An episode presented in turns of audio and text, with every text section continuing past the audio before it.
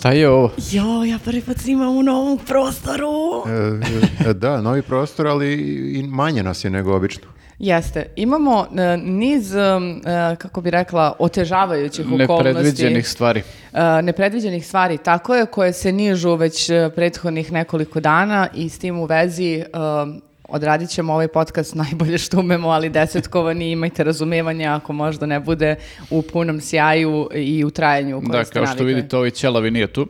Jeste. Tako da ovaj, e, neće da nas mara sa 16 knjiga. Jo, dobro. Ima nečeg dobrog, u sva, e, to stvarno jeste tačno. Dobro, ali ovaj, da, da kažemo samo, ovaj, e, će- ćerka mu se razbojala, Jeste, da. razbojala pa je morao s njom ovaj, e, da, da, da bude i nije spavao cijelu noć. Tako Jeste, da to je... de- desilo se u posljednjem momentu stvarno i nije moglo da se ovaj, izbegne prosto, tako da bitno je da, da ovaj, Sari bude dobro, Da. a lako ćemo mi za podcast. I bez obzira što smo nekako odložili popkast prošle nedelje, u svetlu svih događaja koji su se dešavali, ni mi nekako nismo imali kapaciteta da gledamo i konzumiramo sadržaje u onoj meri u kojoj smo navikli, pa zbog toga možda i nećemo imati toliko stvari da vam ispričamo danas, ali opet mislimo da je važno uh, da snimimo ovu epizodu i da nekako uh, vam mm, ulepšamo, jel te, ovaj ponedeljak, utorak, Pa kad da, i mi, i mi gledali. da se vratimo malo u kolosek, a i vi sa nama. Tako je. Ili da vas iznerviramo pa da, ono, kao, bar, makar imate tu neki ventil u komentarima. Jeste, jeste, možete da nas Možete vređate i kao i do da. sada. Ali prvo platite patron. Jeste. A, prva dobra vest koju imamo da kažemo a, jeste da 29. a, maja a, u ponedeljak od 18 časova a, imamo snimanje live podcasta a, u Kraljeva sam rekla u klubu Play. Radujte se sad kao da U Kraljevu, kao, htjela si da pomešaš sa kragu. je- Ili sa Valjevom. Ne, nisam, to samo vi, ono krugodvojgaši, a, mešate te stvari i vređate ljude iz unutrašnjosti. Rekla je krugodvojgaši. Rekla sam krugodvojkaši. Dobro, to je bila mala šala za početak. Eto, vidjet ćemo ko- koliko će ih još biti u toku ovog podcasta.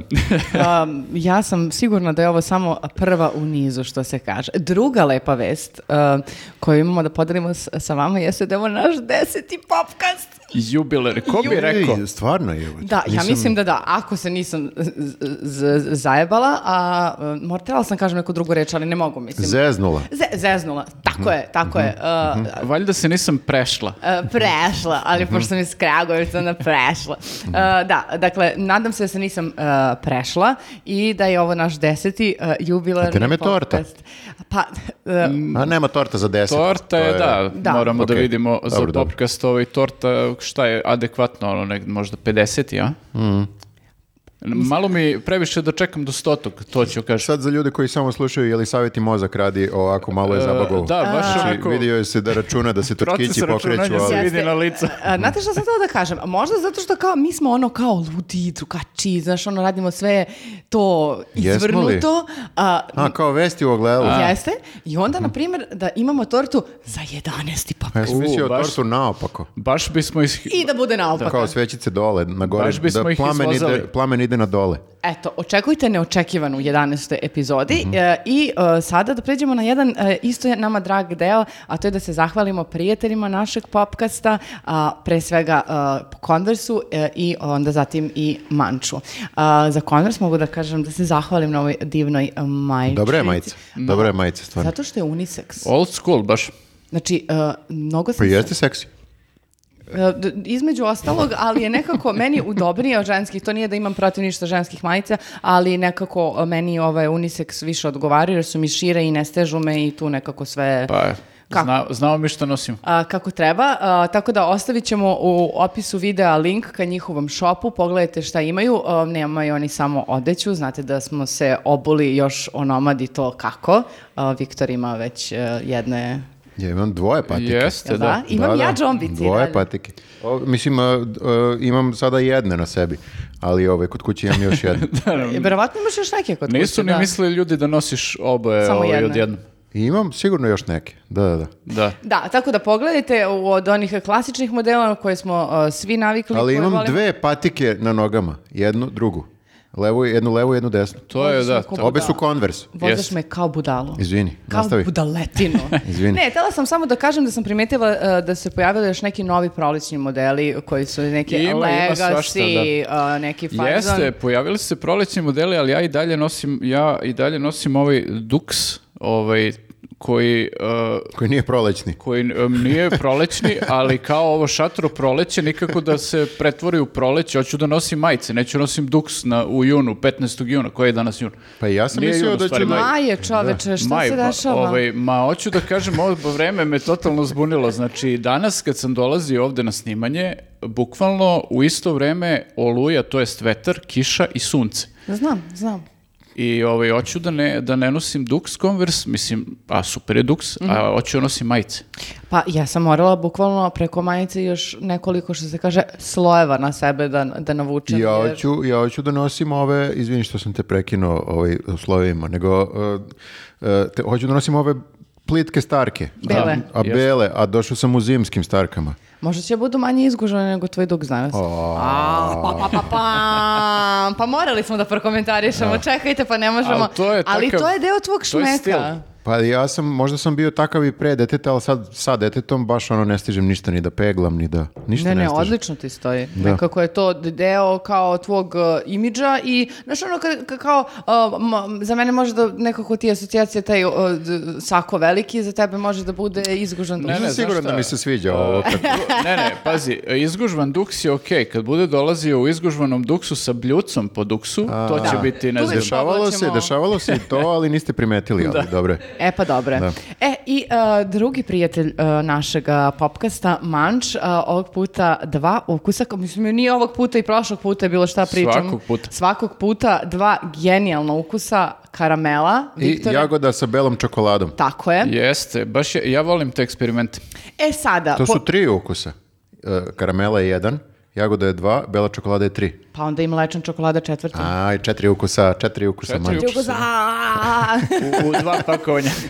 e, ali... uh, Najgori prodavci. Bukvalno, pored a, o- o- ovih predivnih ukusa, ono na što želimo da mu obratimo pažnju jesu majice koje danas ne nosimo sa nama jer su kod Marka, a, koje ćemo slikati i ovde sada Jeste, vidite ovde sad pokazati. majice. A, majice je dizajnirala Zombijana. A, nama se jako sviđaju i odlučili smo da a, vama, našim gledalcima i slušalcima, a, poklonimo pet, a, pet Majaca. komada. Pet majaca. Pet majaca, a, a, a nagradit ćemo a, o, petoro e, ljudi koji daju najzabavniji i najlepši odgovor. A, šta, a, kako smo rekli, koji mi je najzabavniji moment bio u toku popkasta? Jeste, u ovih deset epizoda. Jeste, nekako je to uh, simbolično, zaokruženo, Da, gde će, uh, znači to ćemo pitanje da postavimo u, pi- u komentaru uh, Na YouTubeu. o- ispod YouTube, YouTube ovaj, I vi odgovarajte- klipa I vi odgovarajte, vi odgovarajte, na, na taj da, komentar na taj i onda ćemo mi, da, mi ćemo da odaberemo onda Vi koji nas slušate na ovim Spotify-ima, Apple-ovima, ne znam šta sve postoji, sound, samo audio, morate dođete na YouTube. Morate da Znači, se priključite malo Pauzirajte sada, YouTube sigurno imate zajednici. neki, neki zanimljiv moment e, iz, iz popkasta koji se e, desio, a koji vam je ostao u sećanju i sigurno želite ovaj da dobijete neke... Neke lepe majice, zašto da ne, ide proleće. Tako da, ono, pauzirajte malo, dođite na YouTube, ostavite komentar, ono, okušajte svoju sreću. Da, lepo je Miš na- beli sreću deli. Jeste. Manč, okej. manč beli sreću deli. E, i tela sam samo još jednu stvar da vam kažem, sad mi je pala na pamet, ako gotivite zombijanu, a ne sumnjam da da, a, Zombijana Bones. e, da, a, gostovala je a, nedavno u Tampon Zoni, ostavit ćemo link a, ka gostovanju, možete da se malo bolje upoznate sa njom i da vidite čemu ona Što mi reklamiramo konkurenciju? Zato što smo dobri ljudi. Aha, A dobro. koja konkurencija, Brajeću? Zaboravio sam. A, ne možemo da vređamo, znači moramo da podržimo. Stavit ćemo link, to je podrška. Ajde, koga još podržavamo?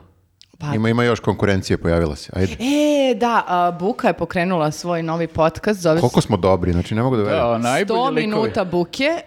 Um, razgova, u prvo je, izašla je prva epizoda, razgovaraju sa, ja mislim, dobitnicom, ne, ne dobitnicom Ninove nagrade, nego knjiga koju je Marko pričao nedavno. Um, A, za- ostavit ćemo link, izvinite Jesam ja bio tu? Bio si ja, možda da. fizički, ali duhom, Aha, ko da. zna gde se transcendentalno ispovetovao. Da, ostavit ćemo link pa možete da pogledate tu prvu epizodu. Kako, kako dobra najava. Znači, Jeste. pričaju sa ženom koja je napisala knjigu koju je Marko pročitao. Da. Bukvalno ne znam gde ćete bolju ono, n- n- preporuku i najavu od da. toga. Tako da ne, meni je stvarno mnogo drago da vidim da se nekako a, naša podcast scena a, r- a, razlistava, a, rascvetava i da sada postoje ti, kako bi rekla, još a, specija, specijalizovaniji a, tematski a, podcasti. A, raduje me, e, ono, svaka čast. Koji ih je inspirisano tako nešto? Pitam se, pitam. O, Neka cveta hiljadu podcasta. Tako je. Na temu knjiga kulture, šta slušamo, gledamo, Itd., čitamo itd., itd. Neka, neka, mi volimo, mi volimo. E, sada da pređemo, jer smo sve rekli. ja Jesmo. mislim da jesmo. Ja mislim da jesmo. Koji, Okej. Nisam očekivao ovoliko dugačak uvod. A, pa mislim, a, u skladu s okolnostima, zato što ćemo sad pet minuta. Šta ti prvo piše tu? A, knjiga. Knjiga. U, Ajmo knjiga. ajmo knjige, šta? R- potpuno ra, a, ra- raz- razrušavamo... Ne smemo? Smemo? Aha, pa, Što? Ajde. Ne smemo šta? Ajde. A, čitala sam a, skoro knjigu, a, o, autorka se zove Sayaka Murata. A, Molim. To si izmislila bukvalno. Nisam, knjiga se zove Prodavačica, ona je japanska spisateljica i jako je zanimljiva knjiga. Uopš- e, zaboravila sam je, pošto sam potpuno sluđena danas i ja, da je ponesem fizički da vidite kako izgleda, ali mogu da slikam pa da ubacimo, da, zašto ne. Pa dobro, klasična se jaka murata. Da.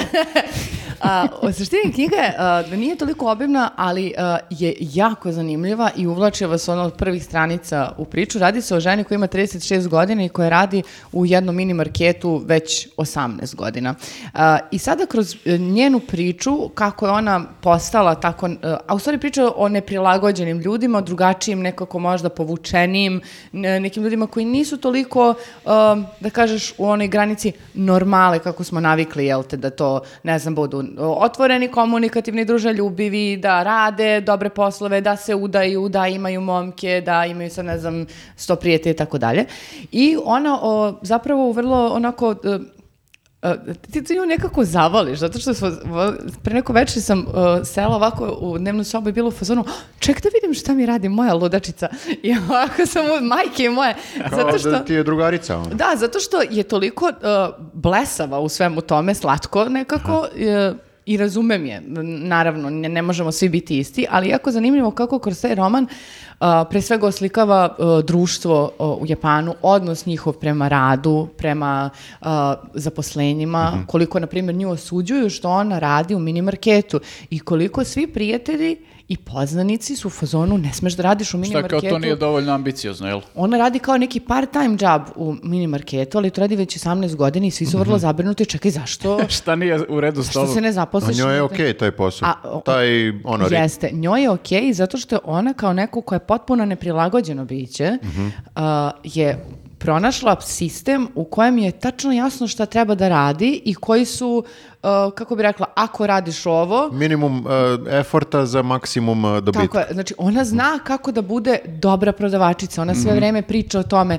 uh, o, u veliko sati moramo da napunimo ove rafove, u veliko sati moramo da zamenimo ovo, sada dolaze ljudi, pada kiša, treba da spremimo tople napitke. Znači ona je najbolja u svom poslu. Najbolja, ali ona je to radila imitirajući druge, ali ako imitiraš druge u nekoj tako simplifi simplifikovanoj profesiji, onda ti je jasno koji su ti koraci da bi te doveli do toga da budeš dobar. I to je sada kao baseline.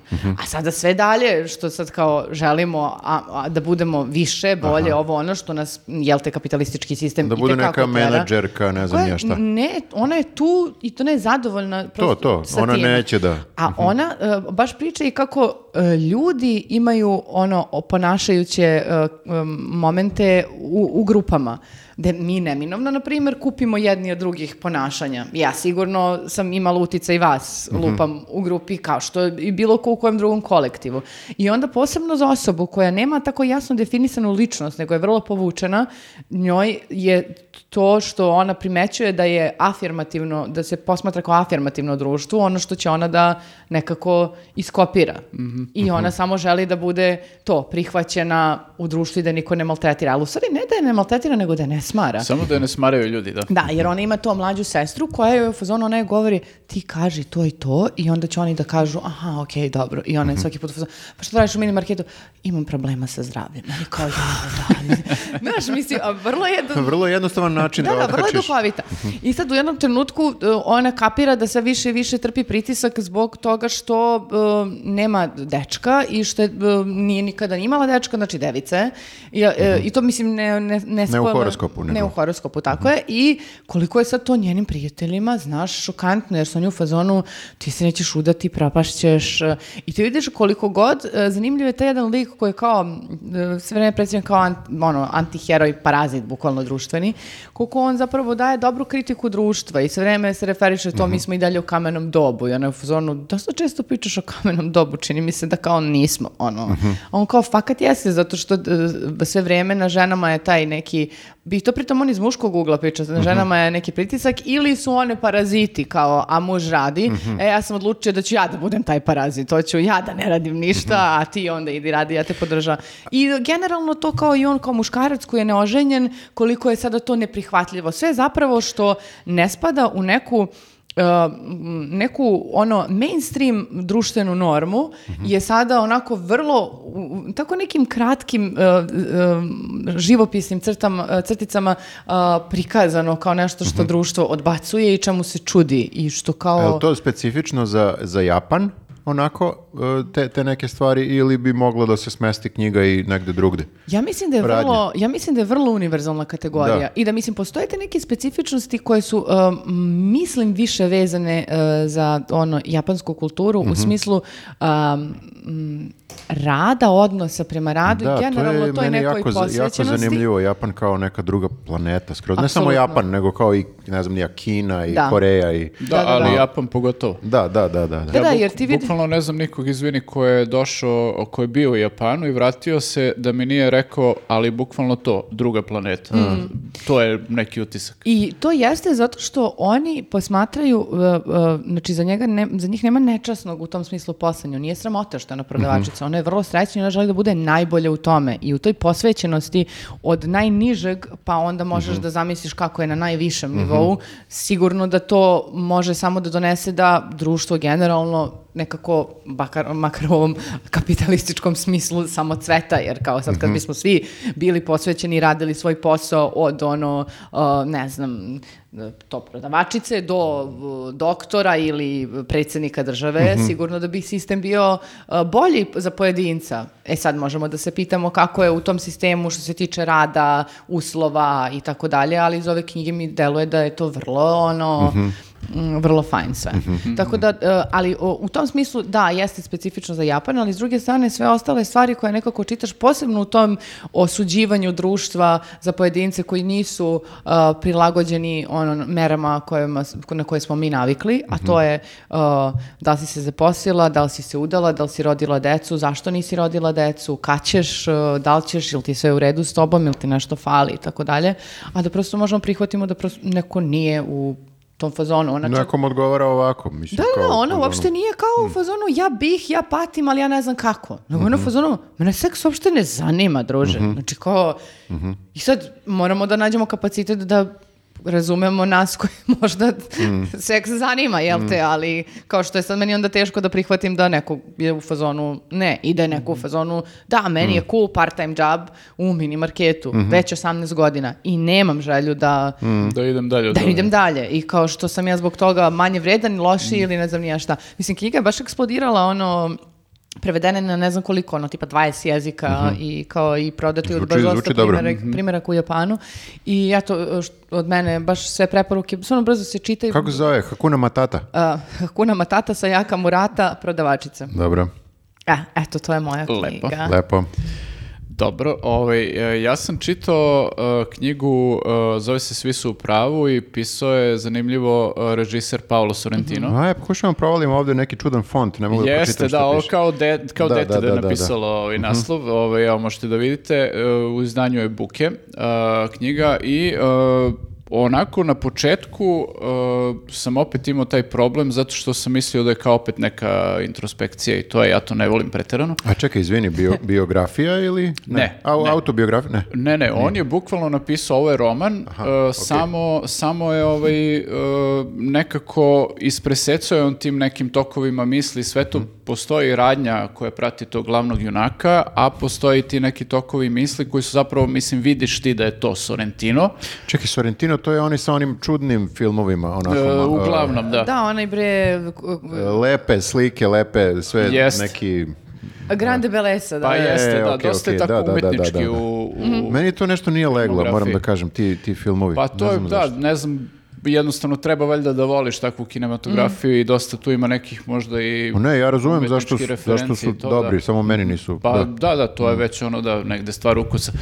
Ovaj, uglavnom, uh, vidiš u tim kao delovima gde je kao neka introspekcija, gde su neka razmišljanja da je to Sorrentino, samo što, što on stavlja svoja razmišljanja u uh, karakter ovog glavnog junaka. Ovaj, glavni junak je Toni Pagoda i on je pevač lagera tipa 60. godina. Uh, I on je onako, ovaj, sve što kao možeš da zamisliš uh, u, u tom nekom svetu, u tom periodu, znači uh, prostitutke, droga, provod konstantan, on ima svega 40 godina u trenutku kada... Al ga živi, Miki. Alga živi i bukvalno ima ono kao iza sebe i ono istorije za, za tri osobe, razumeš šta je sve preživao. Uh, I uh, ovaj, uh, onako na početku postoji jedan jako dobar deo gde ovaj priča kao šta sve ne podnosi i zapravo ti shvatiš ono dok čitaš šta sve ne podnosi, to je nekoliko strana nepodnošenja, ti shvatiš da on zapravo ništa ne podnosi na, na svetu. Ovaj, e, da, kasnije u nekom trenutku postoji jedan e, jako dobar moment gde kao e, ispresecano je tim e, razmišljanjima gde ti saznaš zapravo kakav je njegov odnos prema slavi, kakav je njegov odnos prema drugim ljudima, e, kakav je odnos prema, prema ovaj, e, ne znam, drogi, porocima kojima je onako baš veran. U jednom trenutku gde se bavi tim odnosom prema publici svojoj, on kaže ovaj, nas deli, ne znam, svega nekoliko metara, vi ste sa jedne strane te ograde ili bine, ja sam sa druge strane i to kao izgleda kao da je moglo da se desi kao, ne znam, bilo kome od vas da budete na mom mestu, ali ne, ja sam jednostavno bolji od svih vas i to je razlog što sam ja ovde, a vi ste tu. Ne uzima onu kao kategoriju sreće u, kojoj je činilac mnogih uspeha. Ne, ne, on, on je, je najbolji. On je, ovaj, uh, on je nekako... uh, n- uh, ti vidiš iz konteksta priče i svega da je on neki, ja bih rekao, ne baš prvorazredni pevač, mislim, ne, ne posmatraju celu tu scenu na taj način kao da je on neki vrhunski pevač, ali on ima jako visoko mišljenje o tome što radi i o sebi i ne znam, on poznaje Sinatru i proputovo je svet i stvarno je pevao svuda i kao sa te strane gledano, ok, jasno ti je da je on kao neko ime, ali sa druge strane uh, ti vidiš kroz uh, kontekst nekih priča da je to, ovaj, ne posmatraju ga svi na taj način kako on posmatra sebe, ovaj, ajde da tako kažem. Uh, uglavnom, Uh, on u jednom trenutku, recimo negde na polovini knjige, doživi kao neki, ne mogu da kažem, neko proviđenje ili ne znam šta, samo je ovaj, flipnu u jednom momentu i odlučuje, Pitam se čega. odlučuje da napusti sve i da ode u Brazil. Dobar, dobar prevod za e, proviđenje. Flipnuo je. Da, flipnuo je. da, može i proviđenja, može i flipnuo je. Ovaj, odlučuje da ode u Brazil uh, da bi, ne znam, našao neki novi smisao života, jer sve vreme ovaj, u tom prvom delu knjige ti vidiš da on ima taj problem što mu praktično, uh, iako on ubeđuje sebe u suprotno, ti vidiš da njegov život nema mnogo smisla, da je to, znaš, od jedne prostitutke do druge, žene ili čak i ako nisu prostitutke, uh, to je samo menjanje žena onako On ih u plaća. nedogled. Užas i promiskuiteta jedna. Pa ajde da tako kažemo droga i to znaš, iako on sve vreme tvrdi da jako uživa u svemu tome i da mu je to super, ti vidiš da je to jedan isprazan život koji nikud praktično ne vodi. On je imao neku Beatriče, devojku koju je jako mnogo voleo i sa kojom više nije, ovaj, iz nekog razloga ne saznajemo zašto, ovaj, to je saznajemo zbog njegovog karaktera, kao nije više sa njim. E, Što je, viš se prekidam, što je to nekako poetično, što se ona zove Beatrice, kao u Danteovoj božanstvenoj Jeste, komediji. da. Možda nije slučajno. Možda Pa nije, možda da. nije slučajno, možda je simbolika. da. Uglavnom, da, on u jednom trenutku odlazi e, u Brazil i tu dolazi do ovaj, e, zapleta zapravo. I tu nemoj tu više da, Da kažeš. stanemo, da, uglavnom, Kako se završava? izdešava se tu nešto svašta, ovaj, Što bi rekao Viktor, o čemu se radi? O čemu se radi u knjizi?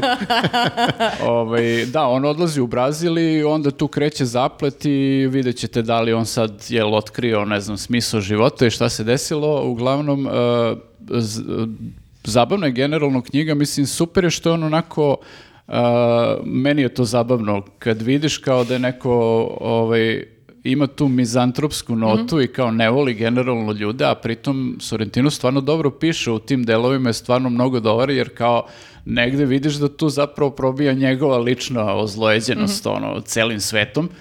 I prosto ovaj, vidiš da, da negde on u velikoj meri dosta toga misli zaista, verovatno malo i karikira, čisto preteruje, zato što i ovaj lik je sav preteran. Ono, Ako zamišljaš tog nekog pevača iz tog perioda, ovo je onako malo dignuto na ivici je da bude karikatura, ali nije baš skroz, nego doživljaš ga i dalje nekako ovaj, Ja verujem da su, da su, koliko god da ti misliš da su te neke stvari koje su se dešavale tim e, pevačima, glumcima, ne znam nije šta, karikature, da e, kad čuješ neke priče od pravih, a mi Jeste, smo, da. mi smo se naslušali toga, si u fazonu, dosta toga je tačno. Sve što kao pročitaš je tačno. Verovatno, verovatno dosta toga zapravo i prećute. Da, da, da, pa ne, zna ne. šta se sve dešava što Sa nikad nama, nismo sa čuli, nama da. koji ih ono, poznajemo površno, podele samo te neke...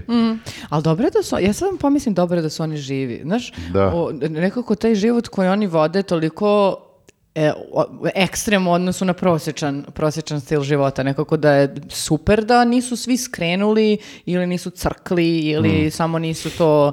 Ali znaš šta je meni zanimljivo u priči? Baš sam to htjela da vas pitam. A, Izvini, samo e, sad sam se setio kad si rekla dobro je da su i dalje živi. Ima ona izreka kao ljudi moramo da vodimo računa o planeti da bismo ostavili lepu planetu za Kita Richards. Da, da, da, da, da, da, da. Pa realno, brate. Zamisli ti šta su oni radili ono 70-ih, 80-ih godina? Unazađivali Ja se mislim ljudi. da, da, oni verovatno pola se ne sećaju šta su radili, a onoga čega se sećaju, ono, ti u fazonu kažem. su jebote. Zamisli ovi Beatle, Beatlesi što su radili u Indiji kad su išli na onaj hodač s s čime Oni su su, ih se, sve... oni su se tamo opravili. Kako ne, opravljali su se Miki na ono šest Onoliko. nivoa. A da, ali hoću da kažem kako mi je zanimljivo taj, ta ideja e, nekih uh, mega uspešnih ljudi, ta vera da su bolji i to nekako taj, e, e, ne samo bolji nego da su oni ono do jaja. I, jer e, ne znam kao ima ljudi koji, ne znam da li od uvek su takvi ili samo ta arogancija nekako a, rađa vremenom kroz uspjeh i kao kako e, možeš da veruješ e, u to, jer mislim dobro možda ja sad ovo iz mog e, ličnog imposter sindroma pričam kao a, konstantne sumnje i preispitivanja, pa sam u fazonu kako to mislite da ste super? Mislim, recite mi nešto više o tome. Ne znam. Pa zavisi, znaš, imaš, imaš neke e, ljude koji su negde onako, kako, kako bih rekao, predisponirani su za taj život zvezde, prosto imaju to negde, ne- neki ljudi to žele da da rade, da se bave pevanjem, da budu pred kamerom Nemaju tremu. eksponirani, znaš. I oni su od starta imali taj negde stav i o, verovatno su ono, imali i taj stav ono od početka i kad su postali to što jesu, to je to, kao to su oni. A imaš verovatno i one koji nisu bili takvi, ali znaš, ako imaš konstantno ljude koji ti se dive, koji te obožavaju i plus imaš oko sebe ljude u nekom bliskom krugu koji ti svi pričaju da si najbolji, da si ovakav, da si onakav, verovatno u nekom trenutku ovaj, počneš i ti sam tako da, da misliš. Jako je teško, verovatno, koliko god da si nekako prizeman, da ostaneš na zemlji sve vreme ako si, ne znam, baš mega popularan i, i ako imaš ono ljude koji ti non stop pričaju te stvari. Pa jeste, zato što mislim da e, odlazak kao iz te krajnosti je neka vrsta arogancije koja onda ne dozvoljava drugima da ti priđu, ali u smislu e, poslovnom, ljudskom i ne znam kom god. I što bi onda podrazumevalo da nikakva vrsta kritike koja može da bude mega značajna za tvoj bilo koji rad, može da bude potpuno, znaš, kao... I zato me zanima, na primjer, kao ove e, velike zvezde, kao Dobro. eto da kažeš pevači, Dobro. da li, e, koji su stvarno kao mega uspešni, da li e, su toliko ono arogantni, pošto znam, čitala sam sad mi to mi palo na Mislim da pamet. se to razlikuje od čoveka Da. da, čovek nije... Da. Jer za neke znam da su, na primjer, pričali o tome kako uh, bukvalno pristupaju svaki put kao da nikad do sad nisu radili. I da je to jedna od ključnih stvari da kao ne veruju. Aha, prema poslu odnos. Tako je, tako Samo, je. Znaš, da prosto... Pa jedno je, ja mislim, prema poslu, a drugo je prema ljudima koji e, isto učestvuju u tom poslu, koji su oko tebe, koje ne vidiš u, baš toliko kao u samoj pesmi. U smislu kao neki sad producenti, lupam sada.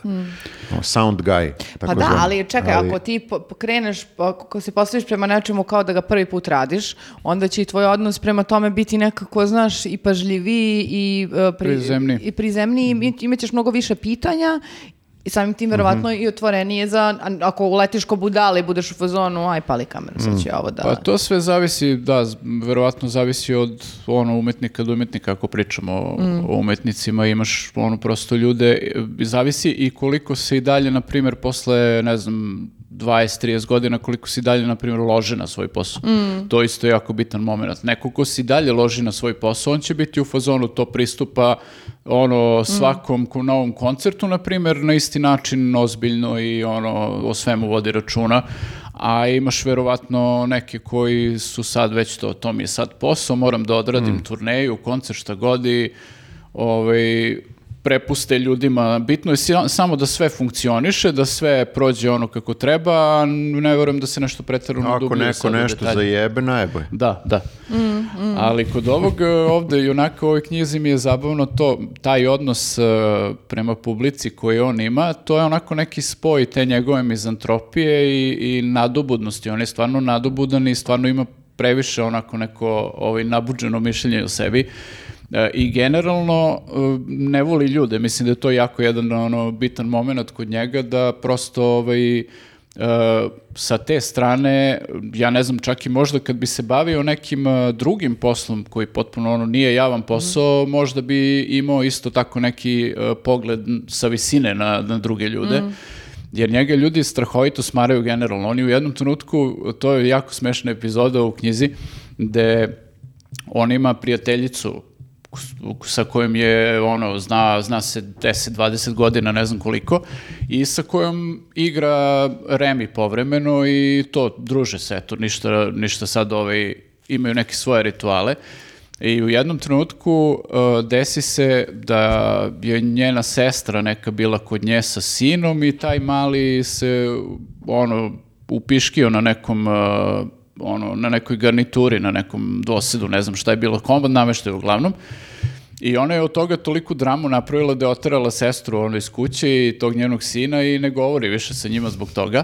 Ali to i nije dovoljno, nego je to najveći problem u njenom životu kojim ona smara sve ljude oko sebe uh, iznova i iznova i ne prestaje. Znači, i ovo je bio fazon, ok, ona neće s, s ovim da prestane i u trenutku kada je ona njemu počela da priča o tome kako je to strašno i kao, jel možeš ti da veruješ ono, Šta šta, se se desilo? desilo? Uh, on je nju tu ono kao, ovaj, da, da, mislim da je upotrebio čak i taj izraz, uh, baš je smešna rečenica u koje, kojom ju je odgovorio, jer kao, pre toga ti piše kao, da li, uh, pre toga ti objašnjava kao, uh, to mi je sad u glavi, da li da joj to kažem, između ostalog, je otero u k***c, bukvalno. Bipovat ćemo... Bipovat ćemo. I uh, na kraju se to završilo tako što on potuko sa njom u, u, njenom stanu i uh, posle toga više nisu ovaj... Ali koji je White Lotus, ono, zaluđeništvo, pineapple sweet moment, eh, kad o, samo traže, A, da, ono, da, o- da. obsesivno Jeste. nešto materijalno. Nema veze što je sve okej. Da, da, nego da. Samo nije ono Ne, ti- što, što, da. što je dogovoreno. E, to je to, ti kapiraš da je ova žena toliko je dokon u životu da je to njoj najveći problem i ako ne napravi big deal od toga, ne postoji ništa bitno što se dešava u životu. Nema čemu Da, da, da. priča sa ljudima, to je, to je problem. I, ovaj, tako da je to jako smešno i, i on o, kroz ta njegova razmišljanja ono, koje ti pratiš dok se on svađa sa njom i dok o, ovaj, razmišlja da li da je otera ili da je ne otera, ovaj, ti vidiš koliko on zapravo generalno ne voli ljude i samo eto, nekako ih posmatra uh, kao jel e, neki potrošni materijal. Oni su u jednom trenutku publika na njegovom koncertu, u drugom su neki ljudi koji treba da mu završe neku uslugu ili šta god. Generalno ih ne voli, tako da Jel, misliš da, jel mislite da je ovaj Sorrentino u stvari e, takav? Ja ne znam ništa o njemu. Ja mislim, ne znam da li je- inače- možda je dobar čovjek, izvinjavam se. Možda da. Da. ja ne znam inače kakav je ovaj, u odnosu to u poslu i generalno odnosu sa ljudima, ali meni se čini da tu u tim momentima kad opisuje taj odnos prema ljudima, da često tu nekako Da. onako, dosta mi lično zvuči. to. Aha. Da, da, da, da- Pa zato i pitam, zato Možda- i filmovi njegovi su sve to kao toj nekoj ispraznosti, te neke lepote i Da, da. e, Pazi, možda, glamura. da, možda on čak i nije uh, toliko, ovaj, ne znam, ovakav ili onakav prema, prema ljudima, ali možda je sad samo ovaj, ovde istreso deo onoga kako bi možda voleo da bude Aha. prema ljudima, a nije. Da. To je Baš, kao ovaj Ton-. Ton- Tony Clifton e, od, od ovog Andija Kaufmana. Da, Taj da, neki tako njegov, njegov alter ego koji je potpuni drkađija. I... pa to je Da, to, da, da. da. Tako da moguće da je ono delimično alter ego u pitanju. E, pa dobro. E, ja sam e, e, spremio bio, ovaj, kako se zove, e, dve knjige, e, ne, ne dve knjige, dve grafičke novele za Dražića, pošto smo prošli put pričali o tome kako Dražić po- polako ulazi u pakao stripova. A, ali eto, desile su dve stvari. Prvo je da Dražić nije došao danas, a druga je da ja sam zaboravio da ponesem. Dobro. Dve, mogu da, mogu da pričam o njima, pa će on da, pa će Koje- on da koje su? posluša, on će sigurno da posluša. Pa a, ako baš želi da uđe, to su dve onako gateway-a, koliko, koliko bih ja e, nekako mogao da, da e, skapiram. Dva stripa koja su ti dobar ulaz u svet stripa, po meni. Aha, pa Mo- znači to bi ja mogla onda da pročitam. pa mogla bi, da, da, da, mogla bi. Ti bi možda čak i naročito mogla da pročitaš jer si mlađa od Dražića, a bolje je čitati ipak stripove kad si mlađi. Mislim, nekako te lakše uvuče, iako si zrelija od svih nas, Da, izvini. da, praktično dete, da. E, ali, e, ovako, prvi film Watchmen, e, prvi strip, pardon, Dobro. Watchmen, gledali ste film ili A, niste? ne. Ja sam gledao seriju. E, gledao si seriju, dobro, Serija to je, je to je vrhunska, zanimljivo. Serija jeste dobra i film je dobar, ali strip je bolji. Dobro. Mor- moram To, to često bude sudbina filmova i, i serija koje su pa rađene po stripu. Jeste, jeste, ali zanimljivo je zašto je, zašto je bolji. Zato što uh, u stripu uh, film vrlo verno prati uh, strip sve do jednog trenutka, neću da kažem uh, do koga, ali pred kraj jedna jako bitna stvar koja se desi pa se sve preokrene, uh, u stripu je potpuno drugačije. I meni se mnogo svidjelo kako je to rešeno u, u stripu i zato mi je bilo žao što u filmu se nisu držali toga, A što nisu? zato što je, ja mislim, bilo previše ludo. Pre- previše ludo, iako je film se do tad prilično onako držao, jeli, kao cele te uh, istorije, epopeje, svih tih detalja iz stripa i sad odjednom kad dođe ta jako bitna stvar, ajde da kažemo o čemu se radi, za ljude koji nisu ni čitali ni Molim gledali. te, zato što sam već krenula da, Da, da, izgaram. da. O čemu se radi? Da, da, o čemu se radi. Znači, Watchmen je e, praktično dekonstrukcija celog tog žanra superheroja. Dobro. Strip je pisao Alan Moore, znači jedan od najpoznatijih scenarista e, e, za, za strip, a posle gomila toga je pretočeno i u, i u filmove, da ne nabrajam sad koji su. E, I fora je u tome što je predstavljeno u stripu kao da superheroji stvarno postoje i da su to zapravo neke bande osvetnika koji se bore na strani dobra, Dobro. nego kao bande maskiranih ljudi, tako malo nekih polu i fetišista, mogu da kažem, koji se samo uh, bore protiv kriminala, na svako na svoj način. Niko od njih nema neke baš super moći, nego su samo ili... Fetišisti. Pa e, ja- jaki su, ajde da kažemo. Neki su jaki, neki su brzi, neki su, ne znam, nija fit i tako to, Ni- ali nemaju super moći. I spremni su na te stvari. I Moglo spre- bi se reći da su, izvim što prekidam, onda Japanci najbliži uh, da postanu superheroji, pošto su jedni najvećih fetišista. I kao jaki su. Pa žilavi. Žilavi su, da. Dobro, jaki. Da, da, Ok, da. izvini, da se... Pa je, imaju i oni ninja, jel tako? Oni Imaju. su maskirani superheroji. I one jak, jakuze. E, I to, su, to je mafija, ali okej. Pa, mislim, ali jaki su. Nije, nije na strani dobra, to hoću kažem. Nije, nije. Ok, izvini. Možemo da ih preobratimo možda. Kako E, ne? u- Uglavnom, e, e, taj običaj da se ljudi udružuju u bande je nastao, ne znam, nijad nekih, po, po stripu je nastao nekih 50-ih, pa je onda sledeća generacija došla posle toga svih koji su bili inspirisani njima i tako su dolazi do nekih 80-ih kad se dešava radnja u, radnja u stripu i sad je to neka treća recimo generacija superheroja gde su ljudi već malo počeli, to jest vlada američka je počela da vidi kako bi mogla da ih iskoristi za svoje neke ciljeve, tako da je neke od njih uzela i angažovala da rade prljave poslove, uglavnom kao započinju, odnosno da se biju u američkim ratovima i tako dalje, a neki od njih su se penzionisali i u fazonu su ovo više nije Borba za mene, neki od njih rade solo, naročito je, tu je super, eh, jedan od najboljih likova, ja mislim, ikad u stripu je Rorschach, koji, eh, mislim da ne otkrivam sad previše, ali jako, jako... Baca zanim- mrlja. Pa ima mrlju na sebi, ima mrlju na sebi, on nema nikakve supermoći, on je samo jako dobar detektiv i jako je uporan, to je sve kod njega i nema nikakve moralne, etičke eh, granice da li će nekog da povredi, ubije i tako dalje. Eto, to je Idealan lik, što se idealan kaže. lik za su- su- superheroja. Pa superheroj, da, Da. to je to. Možda je njegova super moć da kad stane ispred nekoga sa tom mrljom, da ga potpuno, ono, naš, da neko vidi i da se pocepa kao ličnost. Možeš da pogađaš dalje ako hoćeš. A možeš i da pročitaš A strip. mogu i samo da učutim i da te pustim dalje da pričaš, izvini.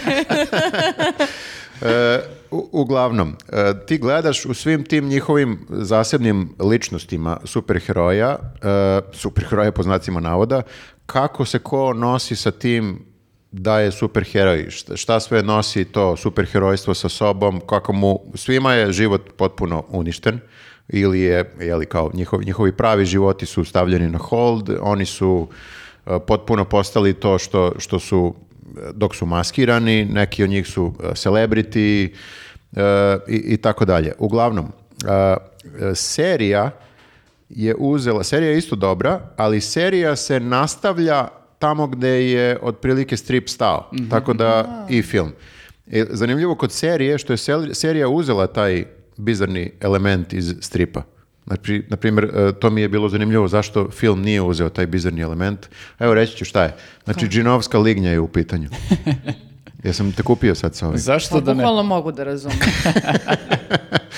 pa kakva džinovska Pa lika. u filmu nema džinovske lignje koja dolazi iz svemira i koja je osmišljena od strane nekih najboljih e, naših, e, naših odnosno najboljih svetskih kreativaca, plod njihove mašte koji je stvarno napravljen da bi preokrenuo stvari. Ne mogu da ti objasnim ovako, mora da se pročita sve. Ne, ima Da smisla se- potpuno kad gledaš uh, seriju. Na primjer. Ljudi, a ja vas razumem, ali stvarno, ja i mogu da imam... Veruj mi, veruj mi da je bitno jako da bude džinovska lignja, a ne ono što su Da. oni e, u filmu ubacili atomsku bombu. Eto, sad Ne, ne, sam- da, sve, Sad sam e, spojlovao, mislim, ali... Si po- pobedio Nenada i mene ovo, ovo- ove nedelje meni se jako sviđa. Ali Jesam, ali ne znaju ovde- ljudi šta sa atomskom. Da, ne, ovde je priča generalno toliko zanimljiva da stvarno ko nije čitao Watchmena ili gledao, stvarno treba da pogleda bilo Da. šta, ili film, ili seriju, ili da čita stvarno... Da, da, likovi su ono što je bitno, radnja, je, da. onako kao ma- manje više, ali ti vidiš u tim uh, likovima i u tim stvarima koje se dešavaju likovima, koliko zapravo Alan Moore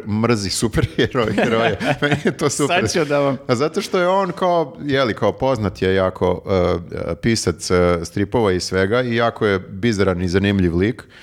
I, e, ali vidiš kako je u nekom trenutku potpuno zamrzeo sve to e, bogaćenje na, Na na, tome, super, da. na superherojima, pravljenje raznih filmova, serija, Franšize. gluposti, franšiza, komercijalizacija i on, on je potpuno protiv toga, on je čudak koji živi u, ja mislim, u e, Nottinghamu, ako se ne varam, u Engleskoj i jako je zanimljiv. Kad ga pusti- Prigodno mesto za život za čovjeka da, koji ne da, voli. ima ovako dugačku kosu i bradu, liči na Gandalfa, potpuno je ono. da. I tako kad priča ima duboki engleski glas.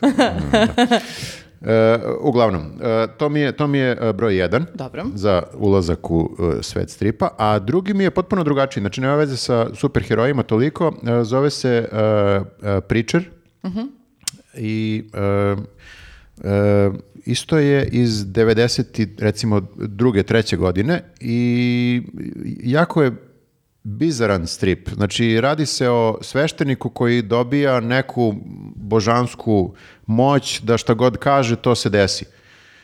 I e, da ne otkrivam sad dalje, ali to je toliko toga upleteno u taj strip i toliko toga se desi na kraju, da je upletena je naravno i religija, upletene su pomalo i supermoći, ubačen je jedan e, vampir onako čisto, čisto reda radi. Um, ima dosta pucanja, pošto se dešava u Teksasu. Um, malo kao bojštine, um, Opet zbog Teksasa. opet zbog, zbog Teksasa. uh, pojavljuje se u nekom uh, trenutku čak i veštice uh, ili nešto blizu, blizu veštice. Malo ima i vudua. Uh, likovi su opet jako dobri. Crtao je... neki gospodari prstenova. Mm, Ne. E, jako je sve vrlo eksplicitno. Znači, eksplicitno ubistva, eksplicitan seks, eksplicitne psovke.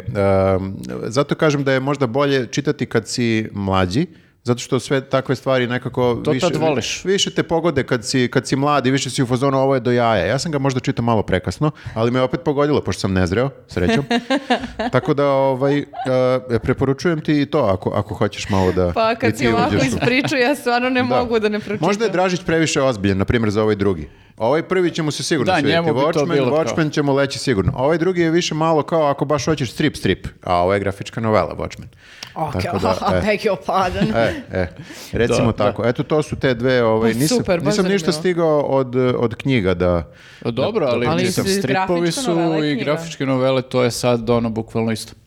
Ovaj, Ne daj, znam da si gledao naše popkaste, ali mi uh, smo ubacili u kategoriju knjiga razne neke stvari. Vidio sam i audio knjige, ima i svašta. ima A sve. da, tako da može sve. A, ja ću kratko samo da se nadovežem, pošto sam i ja čitao malo stripova u ovom međuvremenu. Uh, pomenuo si vampire, ja sam čitao nešto što nisam uopšte znao da postoji, a to je ovaj... uh, uh, vampirski strip koji je baziran na knjizi uh, Na Martina. na istinitoj priči. Nije na istinito, ali... Nije smešno, Sava Nenad i vampiri. Ko bi rekao? Čekaj, uh, Ja, gen, ne, ja generalno ne volim vampire. Ono, Stvarno? kao tematiku. ko voli vampire, brate, Da, strašni to, su. to mi je uvek nešto kao dosadno. Ovaj, Kako sam se zajebala, Da, pa to je... Mislila si da obožava vampire. Ti si Pa to je žrtva, tematika. Ti si žrtva predrasuda. Tako je, jedne stereotipizacije e, metalaca. Tako je. Uh, uglavnom, ovo je, George Martin je pisao, mislim, znamo ga po Game of Thronesu, po Da. svakakvim stvarima. Uh, on je ovo pisao 82. godine, knjigu je napisao, roman zapravo, i to je 2010. je napravljen strip od toga. Kako se zove, izvini, rekao? Zove se Fever Dream. Fever Dream. A zato je Ovaj, poneo da. svoj... Evo, možete e, da vidite naslovnu jedne epizode.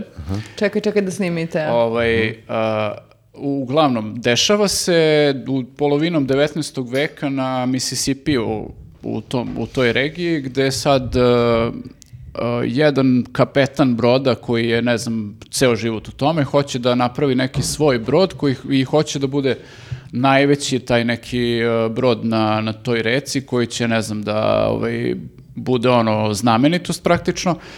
E, međutim nema para i onda se u jednom trenutku pojavljuje jedna ekipa ljudi koji su svi onako ovaj, na prvi pogled nije svako za sebe čudan, ali čudna je taj ta njihova ekipa je onako kao sama za sebe čudna. Svi su, e, jedan je, ne znam, e, pa njih je mlađi, mlađih, neki su stariji, ne znaš uopšte kao, ne zna se odakle su se pojavili, ovaj, malo onako drugačije izgledaju od nekog tamo prosečnog eh, lika iz tog kraja. Samo su se pojavili i ponudili ovom, ne znam, neke silne pare da napravi taj brod. I kao bit će, ne znam, partneri u ovaj, poslu. I on, ok, nema šanse na drugi način da nabavi te pare, po, prihvati tu ponudu. A, oni naprave taj brod i stvarno bude kao prelep brod i tu su sad, ne znam, sve što ide u, u, u tu neku ono, ovaj, e, scenografiju tog doba, ne znam, kockarnica, dame koje se motaju okolo, baš onako- Dame. Da, dame. Tako ih oni zovu. Ovaj, Ok, ok, sir. i oni sad, ne znam, e, špartaju Mississippijem, praktično posluju sve vreme tu, jer to je ono, dolaziš tu da se kockaš, da, da ovaj, radiš To je plutajući kazino. Tako je. E, I e, u jednom trenutku počnu da nestaju ljudi e, na putanji tog broda. Malo, malo pa neko nestane i kao niko ne zna šta, ne mogu, policija je nemoćna, ne mogu da nađu nikakav trag čak e, tim ljudima koji nestanu i ne znaju šta se dešava. E, ispostavi se da su ovi ljudi koji su se pojavili, oni su zapravo vampiri i tu ću da stanem da ne bih spojlovo dalje, jer postoji jedan jako dobar twist koji se meni svideo, koji nije čest u vampirskoj tematici. Obično je onako uh, vampirska tematika uh, ima ne- neku putanju on, u smislu oni, ne znam, uh, su svi stari nekoliko stotina godina ili vekova i pro- ono, putuju sve vreme kroz vreme i pokušavaju samo da prežive uh, tako što će jel da popiju ljudima krv.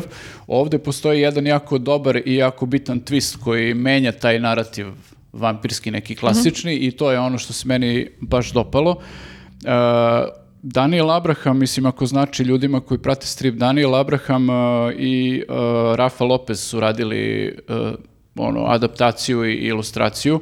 I super je sve, mislim, lepo i crtež i sve, stvarno je ovaj, dobar strip i uh, mislim, George Martin je autor originalnog teksta, tako da to je ono, meni je to bila preporuka da, da vidim o čemu se radi, pošto uopšte nisam znao da je pisao tu knjigu. Tek u nekom trenutku sam saznao i vidim da postoji strip, tako da eto, to je ono, preporuka za stripove od mene. Pa lepo, boga Sad si mi. me podsjetio na, kad si rekao twist sa vampirima. Gledali ste od, od sumraka do svitanja? E, Da, da, da. To je, Da, ja to- mislim, najbolji twist to je u, naj- istoriji filma. To je, znači, ono, Znači, ja- toliko neočekivano. Zato To je Bruce, ne Bruce Willis, ko ovaj... Quentin Tarantino, Tarantino. i George Clooney, glavne uloge.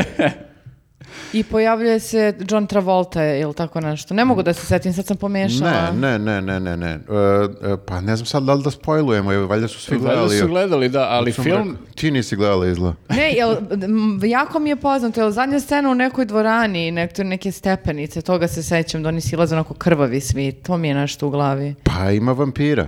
Da, Ima ali... vampira, ali, ali ne- da. ali nije uopšte, znaš, kao, to je doba pre interneta, nisi mogla baš da vidiš trailer, ono, ne- da, da, da. negde i kao ideš u bioskop i gledaš kao počinje kao road movie, Počinje pljačka, oni jeste. beže od policije i tako dalje, usput neki o, otmica, uzmu taoce i tako dalje i ti sve vreme gledaš, ok, I zanimljivo je, dobar znaš, deo dobar je filma, film. dobar deo filma je to. Dobar Tako deo ide. filma je to i onda u jednom trenutku kao kreće vampirski pokolj.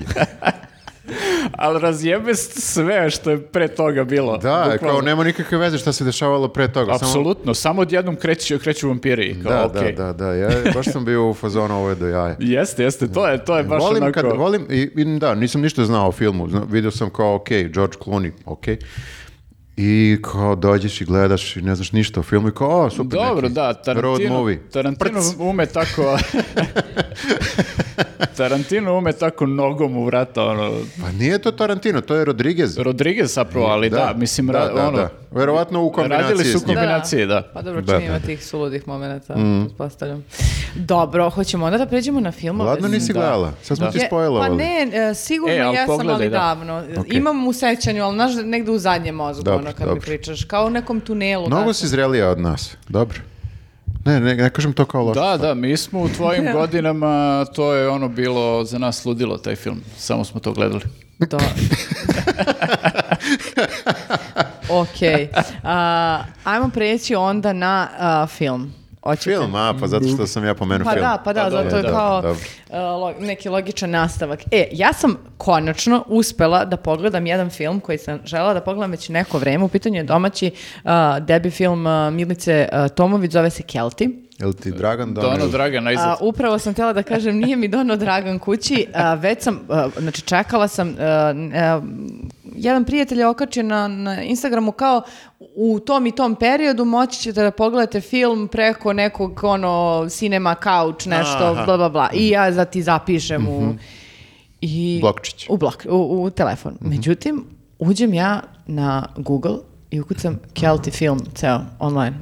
I vidim prvo i kliknem i shvatim da sam pogledala na potpuno drugom nekom linku jer se čujem sa producentkinjom filma koji sam cimala i ona kao ali nema. Piratski si pogledala.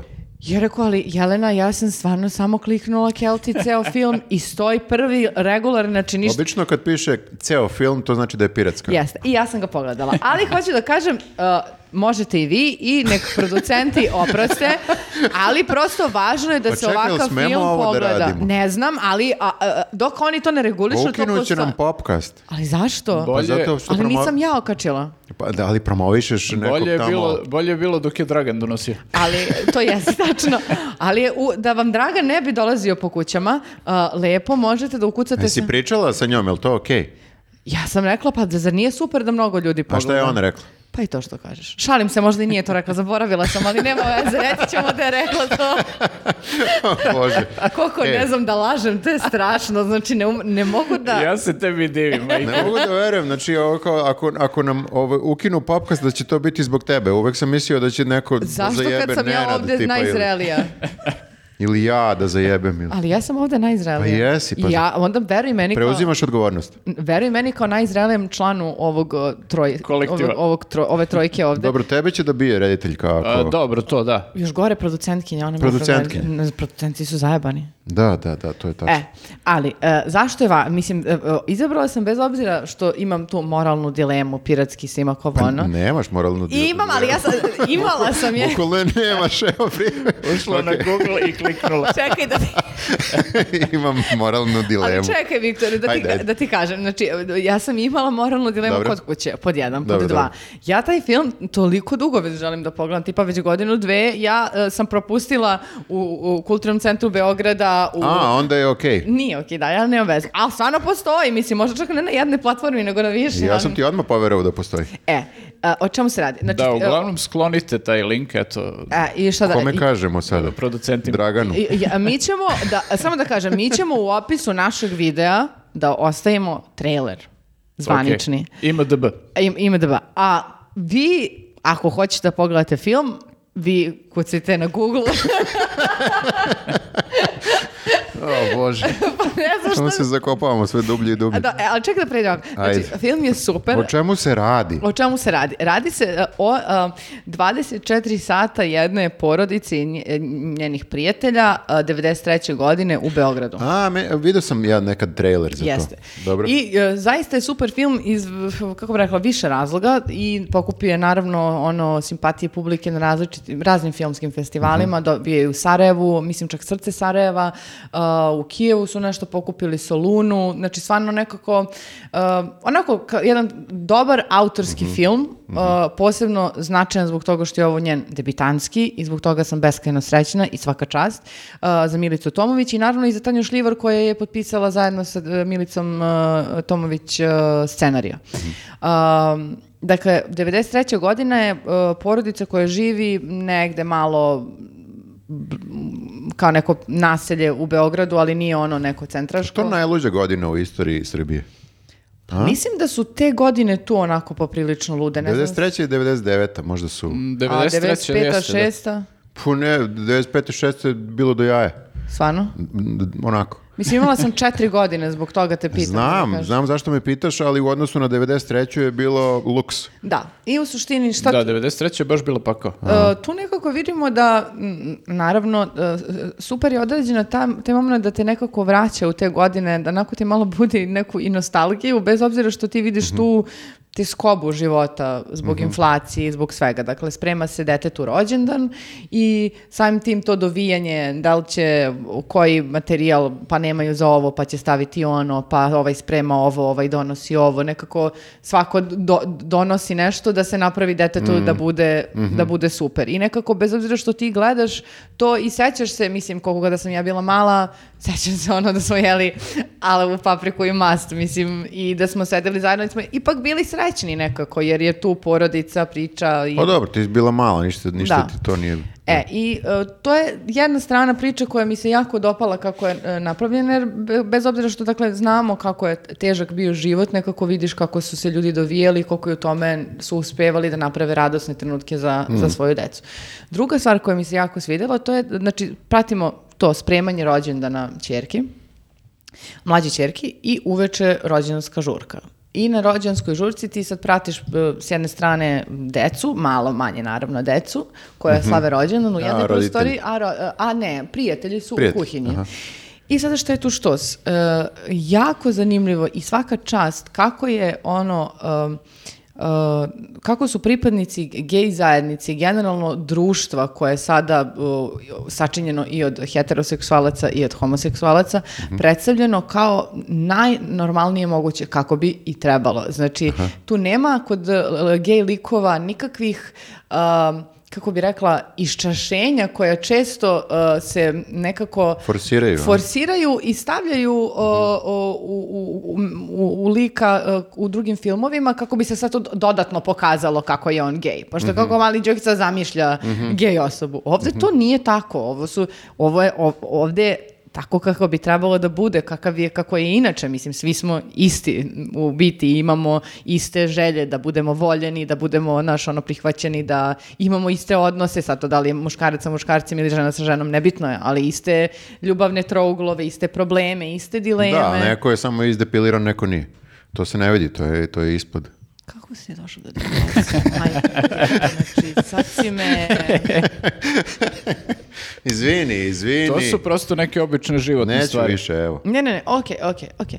Uh, I uh, da, da, jako, znači glumačka ekipa zaista je, je pokidala, da, mislim pre svega na uh, Dub- Dubravku Kovenić i Stefana Trifunovića koji glume majku i oca, klinci koji su glumili su takođe, takođe super, ali mi je jako bilo zanimljivo, mislim što mi je posebno drago kad se vidi m, rad sa glumcima da i glumci koji su sporedni likovi, čak i epizode su toliko dobro i slojevito odrađene da su ne- nekako začinile lepo, lepo film i zbog toga posebno, na primjer, Jovan Belobrković koji glumi nekog kao a, pankera, pa je, a bio je skinheads, pa je sad, ne znam, anarhista, Da, pa da, se on šta sad... je u tom uh, periodu bilo se, popularno? Da, da, pa se traži, traži, traži, pa ne znam, bog, bog, ti gde će više ono i šta će, to jako mi je, a, jako mi je bilo zanimljivo i naravno Milica Grujičić je tu ono, kao neka ono, najbolja ortakinja, tetka, luda, e, super. e, mislim, nekako kroz sve likove ti vidiš em,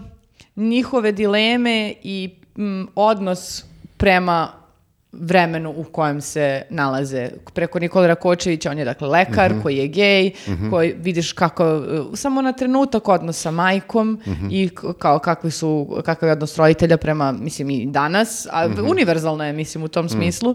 Um, I uh, on je lekar i sad i tu kao oni odlaze zato što prosto nešto priča kao uh, uleću mi, ne znam, neki mafijaši i kao treba da operišem slezinu, a on stoji pored mene sa pištoljem i u fazonu je, ako on ne preživi, nećeš i ti u fazonu je kao, ja ne želim više s time da se nosim i kao, i sve, sve tako nekako, e, e, baš, baš, mi se, e, baš mi se svidio film i mnogo mi je drago da sam uspela, uspela da ga pogledam i jako mi Pa je nije drago. bilo teško, koliko čujem. Da, nije, stvarno samo par A čekaj, klikova. a, reci mi, re- reci mi, ajde se vrati, izvini, završi pa ću da te pitam ovo za pirateri. E, da, da, e, pa nemam, nemam, ne znam šta bih... Sve, u sve u svemu do jaja film. Sve u svemu, film je do jaja i apsolutno sve preporuke. O, mnogo mi je drago da postoje ovakvi izrazi. kao, mislim, jedan od mojih omiljenih filmova ikad ikada je moj jutarnji smeh. e, e, koji je vrlo onako i specifičan filmski jezik, isto debitanski film Marka Đorđevića i mnogo mi je drago da vidim da prosto ljudi nekako e, e, prave takve stvari. Mislim, iako bi to tako trebalo da bude, e, jako mi je drago da imamo e, ovakve priče, jer meni je više do ovde došlo ono sa nesrećim malim kriminalcima iz blokova, gudrama, a, krimin, malim Ali kriminalcima. vidiš, neko vreme je bilo i taj neki uh, socrealizam iz 90-ih, doduše začinjen kao rat i tako to. Uh, to je, bilo je dosta takvih filmova, pa su ljudi bili u fazonu, a do, do- Dokle dokle, više. dokle više kao 90. rat i tako to. Da, a ovde, na primjer, e, sem što Ovo je samo običan život bez Tako ono... je, ti tek e, slučajno kroz umrlicu vidiš koja je godina. Ti Da, da, da, neposredno kupiš i stavljaš u kontekst i, i normalno da vidiš i zbog scenografije koja je genijalna, koja zapravo nije uopšte, a, pe- a, što mi posebno još ide na živce, u posljednje vreme e, sve te kao e, e, iz to 90-ih ili 80-ih Napadna je scenografija. a? Napadna je, brate, i ako nema jedan meblog u zini negde u ćošku, da, da, ništa da. nisu radili. Znači, Da. to im je sad kao da je svaka poštena kuća 80-90. godine imala meblog u zini. Pa čekajte ljudi, mislim. Tebe nervira zato što bi ti volila Tako da... je, tako je, ali između ostalog i da kažem, zato što me ide na živce, to seća se, negde su snimali neku seriju a, policajci kao neki inspektori. Mhm. Prvo što policijska stanica izgleda kao Space Shuttle, ja mislim da nakon izgleda u Švedskoj. Kao Ovdje ako imaju uzmemo- meblu guzinu. a ovamo me blaguzini kao Blake, kao pa to je najnormalnije. Kao pa čekaj bre, mislim, šta mi radimo? Kao, ne možemo Da ima tako. malo realnosti. Da, e, a ovdje stvarno to nije slučaj, ovdje je toliko e, svedena i dobra i bukvalno sa detaljima kao što su ono step sokovi i mešanje u plastičnim flašama, ono crni, žuti i crveni sok tebe vraća u epohu, najnormalniji kaučevi i kostim generalno sve, samo tako kroz neke detaljčiće, baš je super odrađeno i zato mi je mnogo drago, ali um, e, ovaj film, e, koliko ti vidiš da je to ta epoha, on nema za uh, srž uh, rat. Da, da, jasno. Ona je, kapiram, o, rat je okolnost u kojoj se živi, ali ti nijednog trenutka o tome ne pričaš, ti gledaš živote tih ljudi koji se odviju u toj epohi. Uh, u moj jutarnji smeh je pričao, mislim, muškarcu koji ima to 30, 30, nešto, 30 godina, 30, 30 nešto godina i koji je devica i dalje. U m, samo ovom Ne u, sadašnjem- ne u horoskop. ne, u- ne u horoskopu. Da. hoću da kažem da ja mislim da stvarno mnogo više fali bre tako nekih filmova A superheroji domaći? Ma može i superheroji, ja samo ako budem videla još jedan film sa nekim ono mladim dobrim dečkom koji je na ivici da postane krimo zbog mislim e, ono e, lošeg e, kako bi rekla socijalnog miljeja, e, o, o, odrubit ću sebi glavu. Jer nemoguće da nam je samo to tema. Izvinite što sam se iznervirala, ali to mora da se kaže. Dosta više s time. Mhm. Pa dobro, to ti je sad, to ti je današnji socrealizam. To je, ovo je bilo... Pa ne, ja, ja, ja stvarno to ne, ne vidim jednostavno. Dobro, ne, ne, ne, jasno mi je bre, pa ne moraš da gledaš južni vetar Jer mislim nećeš. da jedan mladi muškarac, a zašto da ne kažem, a možda, ne daj Bože, i mlada žena koja odrasta u ovoj zemlji, Mhm. ima nekih, kako bi rekla, različitih e, problema. Socijalno, e, političko, ovako i onaki, koji nisu uvek vezani za to e, valjanje gudre, splavovi, mislim, brate, i tako to. Mhm. Znači, stvarno mislim da nas kopka mnogo toga. Između Našoj, ostalog. našoj kino- kinematografiji fali diverzitet. A, jeste, diversifikacija a, ovaj tema. Koliko Wow. sam se iznervirala, nisam znala. A teo sam te pitam, izvini, uh, gde, uh, da li je film planiran za bioskop? Jel znaš nešto? Film je bio u bioskopima, ja, i to je problem, ja nisam stigla da ga gledam. Film je Pa bio u KCB-u uh, nekoliko puta. A nije bio u ovim uh, tržnim centrima bioskop? Mislim da jeste i to, ali tad nisam stigla da gledam, ne sjećam se šta je bilo, razumeš, nije imao... Dobro, uh, dobro, dobro. sad Iz neke- ove godine ili prošle? Pro, pre, prošlo, možda čak i pretprošlo. A, okej, viš kako je to nekako Da, proletilo. da, Ja sam vidio trailer i meni je bilo zanimljivo i posle sam naravno Sa, evo sad ću da ti Nigde kažem ga nisam samo gledao, ovako. Pisalo je ceo trailer. ceo trailer, klikni ovde. Ne, ne, ne, ceo trailer. Evo, ovo je 2021. Pa Dobro. to, Valjda. to sam teo da Promaklo pitam, ne samo meni, da. tebe, nego ovako generalno, možda čak i vas, eh, dragi, dragi gledalci i slušalci. Eh, znači, film prođe u bioskopima, zaradio je koliko je zaradio. Dobar je film. Da. Eh, nekako je prošao možda marketinški onako kao nisu ga, a? I Možda i jesu, nego... Ja mislim da je on super prošao, nego samo jednostavno to nije, mm, one nema mm, te budžete koje ima, ne znam, Južni vetar gas, e, da sad bude na svim billboardima šest E, e, dobro, o, dobro, banera ne, jasno i to. mi je, to sam, to sam i teo sad da, da pitam, to mi je pitanje, znači on sad prođe, da li je sad okej e, piratizovati ga, U- za- samo zato što je dobar film, Pa ja sam ti rekao da, zato što... ne ti, nego kao ovako za je tebe generalno, za tebe znamo, da. šta ti misliš. Nego, ja imam dilemu, znaš, i voleo bi, ne bi voleo da kao neki film samo zato što nije imao para za marketing ostane u, u zapećku. A sad s druge strane, i oni treba da zarade nešto, mislim. Slažem se. Ja, znaš šta mi je palo na pamet? E, Pošto smo i nekoliko puta, e, e, to jest nekoliko puta sam razmišljala o tome i za neke druge e, filmove. Volela bih da postoje, na primjer, ja sad ja ne znam, sad će neko da napiše u komentarima ima seljanku nego ti nisi znala, ne znam, ok, izvinite, ali volela bih da postoje, na primjer, tako neki, ono, kafići, ne znam, koji mogu, na primjer, nedeljom uveče ili, ne znam, četvrtkom uveče, da e, puštaju domaće filmove u sradnji sa autorima koji se kojima zagovori, da to bude kao e, neka praksa prosto. Tržišno. Da, da, da možeš da uđeš da piješ piće, deo možda može da ide autorima ili ne znam kako već se dogovore sa neću ulazim Možda u to. čak se plati karta, kao za bioskop. Na primjer ili to, ali prosto da, da, da- da se svake nedelje pokazuju ti super cool domaći filmovi koje nismo imali prilike. Evo ja, na primjer, nisam stigla pogledam Usikovanje, uh, koje je skoro bilo u bioskopima, jer imao neku sumanutu u tri popodne, mislim, u, ili šest u, u Ušću, nisam stigla. A, da pogledam. A isto sam čula da je odličan film, ono Mhm. kao porodična, mislim, Ja si kucala ceo film. nisam zato što je skoro tek to. dobro. Izašao iz bioskopa, ovo je Dobro, dobro, godinu, dobro. dve godine. Eto to, ali, a možda, a možda i ima i ova fora sada da će on biti isto na, na primjer, nekom streamingu. Znaš, Pa da, mislim sigurno kad naprave film i kad prođe taj bioskopski život, sigurno i oni gledaju da bude negde dostupan i da, da i dalje mogu da i oni zarade nešto od toga. ne na pirateriji, nego Naravno, na ne, naravno, ne- ali da, mislim, to je sad samo pitanje, ono, koliko njih može da, da ovaj, dođe na neki streaming. Ne znam šta je druga opcija, da li Pa postoji ja sam neki... viđao dosta, mislim dosta, nekoliko filmova sam vidio na Ima HBO. nekih, ima nekih, da. Domaćih. Ima, ima, a ima i tih regularnih kao o, legit e, linkova koji su prosledili ljudi, u ovom slučaju i ovaj mokač je Slaven Došla koji glumi u filmu, tako Mhm. sam videla. Um, ja ako budem pronašla taj pravi link, ja ću poslati, ja neću da kačem stvarno ovo, ali moram A, samo... kao, jel ima kao da klikneš pa da platiš pa da ga pogledaš? Ovo je bilo besplatno u tom trenutku, ali od periodu, na primjer, od, od tog i tog datuma. I kao to je to. Ali mi se isto desila priča sa e, moj jutarnji smeh sam tražila i skoro kao pogledam na YouTube-u bilo i ja javljam. I kao kačim i ne znam ko mi se javlja, tipa Filip Đurić je kaže, on kao, gde si našao? I rekao, pa ja na YouTube-u koji ima ceo film. I on kao, fuck, moram da im javim. A ja nisam znala, mislila sam da je kao... Da je on legit, okačio. da. Pa mislim, znaš kao, baš nije pr- samo što je okačen, nisam ga ja okačila, Da. nego je bilo. Ali opet treba naći načina da ti Nego filma... je bilo, pojavila se. Samo Bilo je bilo tu.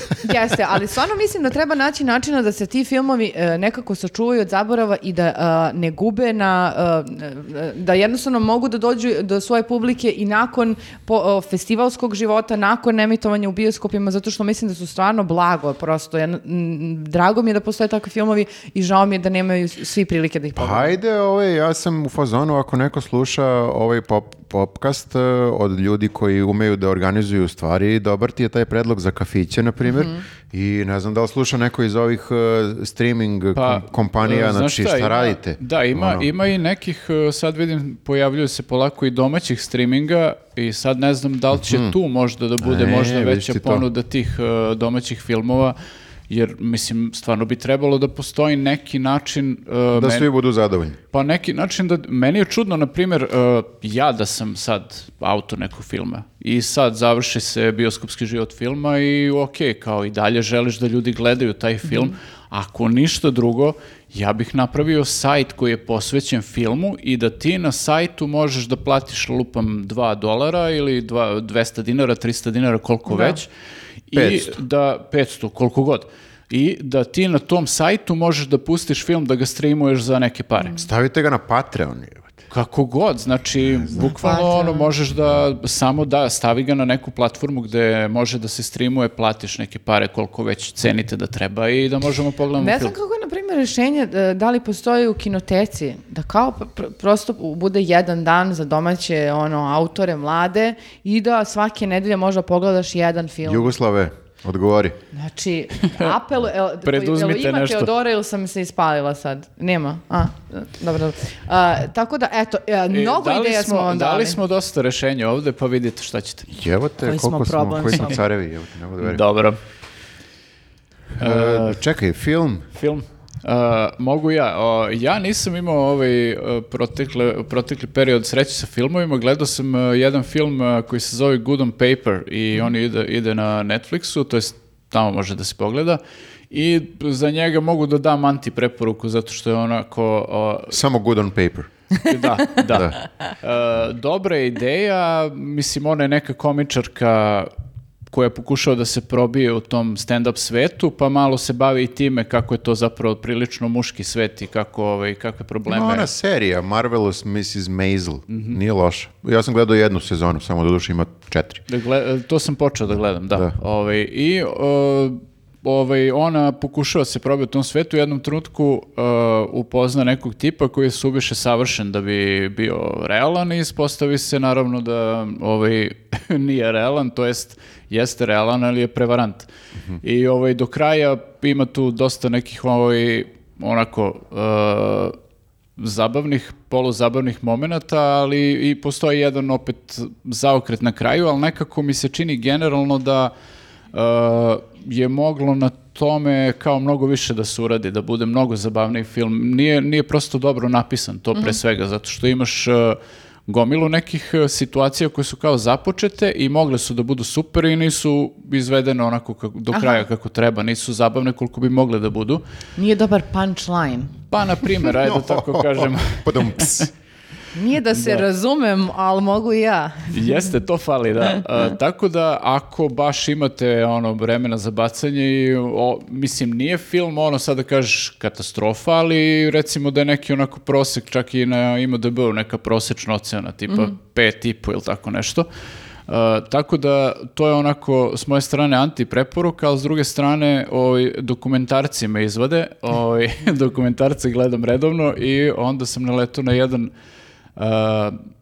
težak je, zato što je tema teška. Koji? A, zove se uh, Jimmy Neville, uh, Jimmy Savile, to jest uh, British Horror Story. A, to je ovaj što je umro neosuđen. Tako je, znači u pitanju je voditelj koji je jako popularan u Velikoj Britaniji decenijama bio, ne znam od koje godine. Ra- tipa- radijski ili TV? Bio je, bio i radijski TV, imao svoju emisiju, imao je neku emisiju gde je bukvalno ispunjavao želje ljudima i to je bilo ono potpuno ludilo, ne znam e, koliko je desetina miliona gledalo svaku epizodu, znači baš je bio ono e, neverovatno popularan. E, i šta god je radio bio je ono popularan, međutim ispostavi se e, uz tu svoju popularnost on je koristio e, svoj taj uticaj i da radi neke dobre stvari. A dobre stvari, ne znam, bavio se dosta bolnicama, pomagao bolnicama da se renoviraju, da se izgrade čak, da se opreme raznim stvarima, sirotištima, tako tim nekim ustanovama.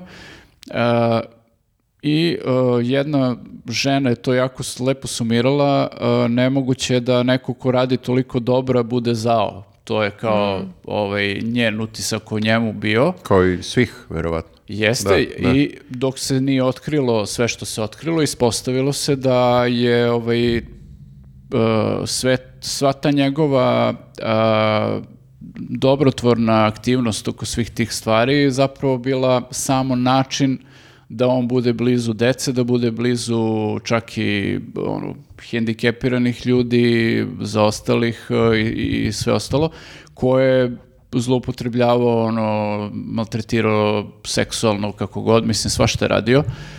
Uh, I to je u jednom trenutku počelo nekako da isplivava na videlo, posle se i razotkrilo i kad, kad se sve onako razotkrilo ono na najvišem nekom mogućem nivou, ne mogu se setim koje godine umro, mislim to je nešto skoro bilo, pre da, par godina. relativno skoro, da. Da, uglavnom on je iz svega toga izašao neosuđen formalno, nije, nije nikad praktično ovaj, uh, odgovarao za to što je radio, ali uh, sam neki uh, nivo svega toga, koliko je on uh, bio duboko u tome, on je to radio decenijama praktično, uh, sve vreme je nekako išlo uporedo sa tom njegovom te- televizijskom karijerom i svom tom ono, svim tim obožavanjem koje ima od publike. E, kao da je, e, mislim, to je često slučaj kod takvih ljudi da nekako uspeju da vode potpuno neke paralelne živote, a pritom je on toliko bio sve vreme ono, pred kamerama u javnosti da je potpuno neverovatno da je uspevao da hendluje i, i taj svoj život ono zloće, e, a da ne bude mnogo ranije otkriven. Uh, tako da uh, ima dokumentarac dva dela od po, ja mislim, sat i po vremena. Uh, jeste onako teška tema prilično, ali zapravo sve vreme, uh, ja sam se sve vreme pitao kao kako ljudi ranije nisu uh, nekako postavili pitanje ove, šta nije u redu s ovim likom, jer on je od početka uh, potpuni onako čudak. Uh, čudno, ne, neška nekako izgleda, imao je taj neki ekscentrični imidž i sve to, ali sve vreme je čudak po ponašanju, ima neke tako povremeno uh, ispade, imao je intervjue gde je bukvalno o sebi govorio kao o zlikovcu, ali uh, ti za njega sve vreme misliš da je on u nekom karakteru, on sve vreme jeste bio u karakteru, gde on bukvalno izgovarao neke reči kao tipa, ovaj, ne znam, Uh, možda se plaše da ću da silujem decu ili tako nešto, znaš, izgovori takvu rečenicu u javnosti, uh, u nekom kontekstu tokom intervjua i sad niko to ne shvati ozbiljno jer je on sve vreme u tom nekom karakteru spadala, ovaj, ne znam, zajebanta i sve ostalo, a zapravo je govorio istinite stvari u tim momentima. Pa da, ali ti imaš i onaj, mislim, dokumentarac o Michael Jacksonu iz dva dela isto, Living Neverland. Da, da. Da ti, mislim, kao, toliko valjda t- ta a, slika o poznatoj ličnosti bude jaka, da ti ne možeš da zamisliš da neko može tako nešto da uradi, a pričaš o, o kao, vidiš roditelje koji pričaju o tome da su svoju decu, da im je nešto bilo čak i čudno, Ali, Ali- to je Michael Jackson. ali da. kao puštali su ih i kao niko ne može ni da, čak i da pomisliš, niko ne bi nastavio sa tom mišlju, jer jednostavno ti je nepojmljivo da tako nešto može da se desi. Jeste, tu imaš taj moment, on je prosto popularan i mnogo je popularan i imao je tu emisiju, pogotovo je ta emisija, ne znam kako se zove, ali bila je uh, bukvalno ispunjavao, na primjer, ne znam, želje klincima, ne znam, neko poželi da leti avionom ili ne znam šta, ono, da radio je sve... Sve... će da ti... Radio je neke potpuno ono, e, neverovatne stvari i ulagane su silne pare u tu emisiju, ali je zato bilo kao desetine miliona gledalaca svaka epizoda i on je bio bukvalno bog tamo u, u jednom momentu. Uh, u nekom trenutku je postao i dobio titulu Sera i sve to, mislim, sa, kra- sa kraljevskom porodicom je bio blizak i sa svima mogućima, ono, celebritima, bitnim ljudima, političarima. Čudno je kako ranije nije isplivalo, zato što je bilo Čudno je, da. toliko od, od tih ovaj, uh, zločina. Bilo je toliko i on čak nije ni previše to nekako, kako bih rekao, nije previše krio, nije to bilo, na, ono, mogo je da, da padne mnogo ranije i to se nekako nije desilo, na, A što nažalost. kao, zato što ga nisu prijavljivali ili su ljudi ćutali ili samo nisu znali? Ne, čak i neki koji su znali nije, dešavalo se da dođu informacije, neke poluinformacije do policije, ali znaš, neko u policiji, na primjer, ne poveruje ili kao ne ispita dovoljno pažljivo prijavu. Takve stvari su se dešavale. Isto priča ko za R. Kelly-a, ono, koliko Da, puta su mislim, ga... tek nekad u nekom trenutku kad se neko stvarno ozbiljno pozabavio svim e, tim nekim prijavama koje su stizale, onda krenulo je da, da se to ovaj, raskrinkava sve i da isplivava baš ono gomila strašnih stvari. E, tako da je ovaj, dobar je dokumentarac, samo eto, nije baš čak i meni koji onako prilično sam e, imao na neke teške teme, mogu da ih gledam, a sad kao da me nešto to lično ne pogađa previše. Ovo je bilo onako malo zeznuto Ja gledati. nemam stomak za to, moram mučno, da priznam. mučno je dosta, ovaj, tako da ako gledate ono morate da budete u nekom uh, onako ovaj, stanju za to da se psihički malo spremite, Mm, ja bi, na kad jer smo je na- dosta jezivo. Uh, ako vas takva tematika za- zanima, odnosno ako možete da je podnesete, isto dobar dokumentarac, nema dve, ali im- ima više epizoda, zove se Surviving R. Kelly. Meni je... uh, meni je bilo muka sve vreme, ali ja nekako nisam mogla da prestanem da gledam zato što uh, nisam mogla da, uh, da verujem koliko stvari je čovek uspeo da izbegne samo zbog uh, percepcije koju je imao u javnosti. Znači, uh, to su, uh, to je kao 10 godina ili 15, 20, 20 godina možda, lupam sad, uh, raznih uh, to, situacija da je neko prijavio, posumnjao i tako dalje, za neke stvari koje su izuzetno ozbiljne, koje bi uh, u, u drugoj situaciji, da pričamo o nekom prosječnom čoveku, Odmah bile procesuirane. Da. ma, ma, ma, ne mora procesuirane, makar ono temeljno ispitane. A ovdje su, čak i u situacijama kada je on bio u sudnici, način na koji on se on ponašao, kako je on, mislim, ono, sve, neki imidž, sve, svega toga, za takve monstruozne stvari, da je to, stra- da je to strašno. Znači, oni su, čak dok su snimali dokumentarac, on i dalje nije bio osuđen, nego je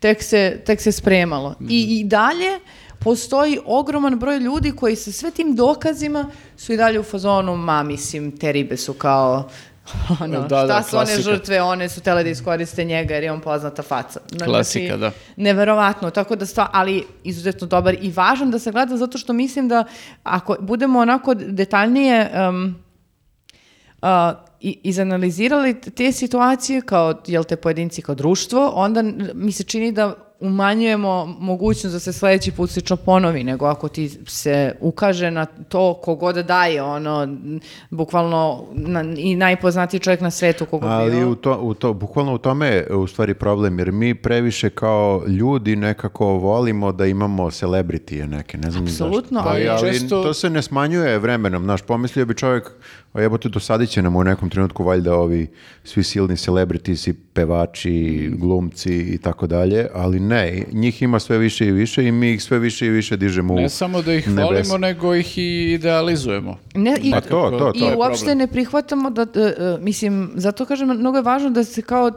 stvari ovakve gla- e, vide da bi se rušila ta, jer kao ti poznati ljudi nisu samo, mislim, ne svi naravno, ali neki od njih nisu samo divni pevači ili glumci ili tako dalje, nego su, ili voditelji, nego su uz to i ono vrlo sjebani ljudi koji čine zlo nekim drugim ljudima, koje Mm. nije ne- nekom nepojemljivo, jer kao, vidi kako lepo peva, Kao, kao, ma, to je. R. Kelly, da. Znaš, mislim, Mm. Imaš kao himnu d- d- 90-ih iz Space Jama, ono, kao... Čudno je to, to je, ne znam šta je to, kako se naziva taj, kad ti uspeš kao celebrity da tom maskom svojom potpuno da se odbije od tebe sve ko teflon. Pa sigurno ima neki stručan izraz, da. Teflon. Da, Pa da. teflon, dobro. E, dobro. Šta ćemo dalje, hoćemo... E, ja sam uh, gledao uh, jedan film, uspeo sam da se setim. Rekao sam pre početka ovog popkasta, ja, ljudi, ja ništa nisam čitao, ništa nisam gledao. Zato što uh, sve manje i manje uspevam, ma- sve manje i manje imam vremena, manje i manje uspevam. Za serije sam shvatio zašto ne uspevam ništa. Zato što sam pre binđovo, sad nemam vremena za binđovanje. Da, i I onda ja kao pogledam i- jednu epizodu i to je to. Tu se završava moja serija. To je to. Iako je dobra. Imam par epizoda da vam preporučim. pa i to je okej. I to je okej. Uh, uh, film, setio sam se, gledao sam film. Uh, možda ste ga gledali, ovaj nije toliko nepoznat. Uh, braća Coen uh, iz 2018. The Ballad of Buster Scruggs. Mislim da sam dobro Ne, nisam to gledao. pročito. Da, nekako je, i meni je prošao, iako volim braću Coen, prošao mi je, ne znam ni ja zašto, nekako uh, potpuno van radara i sad ga vidim na Netflixu pre par mjeseci, kao bacim pogled, zajedno sa Mašom kao gle- uh, gledali. I Aha. jako, jako zanimljivo, jako zanimljivo, jako dobar, Šta, preporuka. koji je žanr? Western. Western? I čak je omaž westernu. Aha, aha, E, znači, na, e, to je, sastoji se iz, e, e, sad sam zaboravio tačno koliko, ali ja mislim pet priča. E, Znači, pet krat, kratkih priča i samo prva je zapravo o Busteru Scruggsu. Ostale su u nekim potpuno drugim e, likovima, ali sve su e, vezane za western i to doba kauboja i sve su na neki način omaž westernu, ali na jako bizaran i e, preuveličan način i sve imaju kariko, karikature, e, svi su, sve su karikature, ali, ali u isto vrijeme kao neke karikature koje malo veličaju taj, taj period, a u isto vrijeme malo se isprdaju s njim. Da. Tako da ne, jako je čudno, ne mogu, mislim braća Coen. Da. E, I svaka priča se za- završava na neočekivan način, to skapiraš posle druge priče, kao "O, nisam ovo očekivao i sad kao treća vidiš da će nešto bude neočekivano, ali nema šanse da pogodiš šta će bude. Tako da ovaj, ima jedna koja je uh, onako pomalo disturbing i posle nje kao treba da nastaviš da gledaš, ima ja mislim posle nje još, još jedna ili, ili dve. I malo ti je teško da se prebaciš zato što svaka se završava ona kao wow. I sad a- a treba odmah, da- odmah da. počinje druga. I Treba kao čekaj nisam se da. opasuljio od ove. E, tako da preporuka je, baš je preporuka. Malo je težak u nekim momentima, vidjet ćete zašto. Mhm. E, i nasilan je prilično, svuda su neke smrti. Dobro, to je okej. E, ali western je, mislim e, karikatura westerna, tako da Eto, toga sam se setio da sam gledao i da mi je bio dobar. Gledao sam još par filmova koji nisu neke e, preporuke, tako da neću da ih... Pa da možda sačuvaš možda- za sledeću nedelju, za on dve nedelje kao antipreporuke. Pa mogu, ali razmišljam da li odmah sad ljudima da kažem da nema razloga. Da ne gledaju. Ajde, sledeću ću, sledeću ću. Da, da. A vi ako se zajebete, Ok. jebi ga. Da, da, strepite. Mhm. Uh, dobro, možemo onda da pređemo na serije. Možemo. Serije, e, misliš epizode? Epizode, da. Hoćeš ti prvi, pošto ćeš ono Da, da. kratko. E, ajde, Šta, ajde. si, šta si počeo da gledaš? Počeo sam da gledam ovako, e, neko je ostavio preporuku, ne, više ljudi je ostavilo preporuku u, u komentarima, Sinner, igra Bill Pullman e, glavnu ulogu i jedna od najlepših e, e, glumica ikada. Svih Jessica, vremena. Jessica- svih vremena, da, mogu da kažem svih vremena. Jessica Biel e, isto igra glavnu ulogu, barem u toj epizodi koju, sam gledao. Ali mislim da je cela sezona posvećena jednom slučaju. Znači, detektivska je i e, Bill Pullman igra detektiva, to jest e, e, policajca koji istražuje slučaj koji je već gotov u prvoj epizodi. Dobro, U smislu zna se ko je ubica. dobro. Jessica Biel je ubica, ne, nije spoiler pošto se dešava odmah na početku. Da, da, odmah znaš. E, ali je njegov cilj, barem on dok, dotle, dokle sam gledao, da shvati zašto je ubila. I sad on celu, e, celu sezonu istražuje i verovatno će na kraju i da sazna, ja ne znam. Motiv, da. Motiv e, zašto je ubila, pošto je ubistvo potpuno čudno. Znači ona je žena, e, majka... e, Kraljica. Majka kraljica, da, u, u nekim, recimo, ja mislim, 30 godina možda ima. I živi potpuno jedan e, miran, normalan život u nekom predgrađu neke, neke Amerike. E, I ni od kuda ubije čoveka na plaži. A tu su svi, znači puna je plaža ljudi, ona je tu sa mužem i detetom i nije od kuda priđe čoveku jednom i ubije ga. Koji sedi na nekom drugom peškiru skroz. Ne, potpuno nepovezano i ti si u fazonu Kao, šta se ovde šta desilo? se desilo. Vrlo je disturbing scena, na, mislim, upozoravam vas. Ovaj, I tu, tu počinje zapravo Dobro zvuči, dobro E, serija. zvuči. Pa jeste, to su mi i rekli u komentarima da je, da je u tome poenta, ali opet kad vidiš malo je onako u, wow. E, I sada Bill Pullman nije klasičan detektiv, naravno, nije klasičan policajac, jer i on ima svoje neke mračne e, e, tajne. Neću dalje da otkrivam, ali ima neki fetiš. Jer kao ne mogu. Voli da ga, voli da ga gaze, prostitutke. To je- A, okej. Da, otkrio sam dosta toga. Ovo će da zakomplikuje radnju, verovatno. To je već sve u prvoj da. epizodi, znači... da, da. z- Nije vrlo je- spoiler. vrlo Oni je- da hoće, ne može da vam spojluje dalje. Da. Eto, uh, Cool, cool. Meni ovo zvuči super. ali ja ne znam da li ću ja imati stomak da gledam dalje. Meni znači, odgledao da. sam tu prvu i jedva sam je pregurao. Meni ovo Ali je dobro. Aha, meni ovo zvuči kao nešto što će mi se svidi, ovaj, uh, pogotovo što sam sad završio ovu seriju o kojoj ću da pričam i ne znam bukvalno šta da gledam dalje, tako da baš ću bacim pogled na ovo. Juj, ali vi imate te probleme, pošto ja pa mogu da razumem Viktora to kao da započne, ali ja čak ne mogu ni toliko da započnem, jer mi... Volim da se vežem za likove i volim da sad tu kao to i binđujem, o, celo večer samo da posvetim tome, ali to znači da se ja vrlo involviram. Znači ja bukvalno se isključim iz svog Pa sveta. to je binđovanje. I kao pređem u taj drugi i vrlo sam srećna i posvećena tom drugom svetu. Brinem se o tim likovima, radujem se s njima, plačem s njima i tako dalje. Što znači, ja ne mogu bilo šta u bilo koji ono... Jasno. Što ne znači da sad imam kao neke e, sofisticirane kriterijume. Ne, nego samo uh, mi treba uh, kombinacija različitih st- stvari. Eto tako da kažem. Jasno, jasno, pa to, ali to i jeste binđovanje. Znači, Jeste, ti, da, tebi da ako se se, ne svidi, uneseš. nećeš ni da gledaš dalje. A meni je ako- teško da ne nastavim. Čak i ako ti se ne svidi. Pa mislim, o, zato što sam u fazonu možda grešim, možda nisam... Možda će biti bolje, Možda da. će biti bolje i onda... Ali ima, oni imaju neki put uh, sad sve više i više, naročito ove nove uh, serije koje su odmah ti izbaci celu sezonu, uh, reditelji i svi, scenaristi i sve, ima ceo šablon kako da te upecaju, da ti gledaš iako vidiš da te ne interesuje previše. Znači, oni imaju taj neki ono, nije baš clickbait, ali imaju psihološke trikove da te nateraju kad, da- kad seku scenu, kad ovo, kad ono. Bukvalno postoji šablon za to. Za- zato je, to je... Čitava nauka. Pa jeste. jeste, Pa je, da. a jeste. normalno Zapravo znam. jeste, da. Da, i mi nemamo šanse protiv toga, mi kao glupi ljudi. E pa vidiš, uh, ja sam uspela da se nateram da započnem jednu seriju um, koja ima sad, uh, izlazi, izašla je sad treća kao uh, finalna sezona, uh, zove se Barry. Uh, I počela sam da gledam zbog Bila Heidera, jer nekako kao... Da.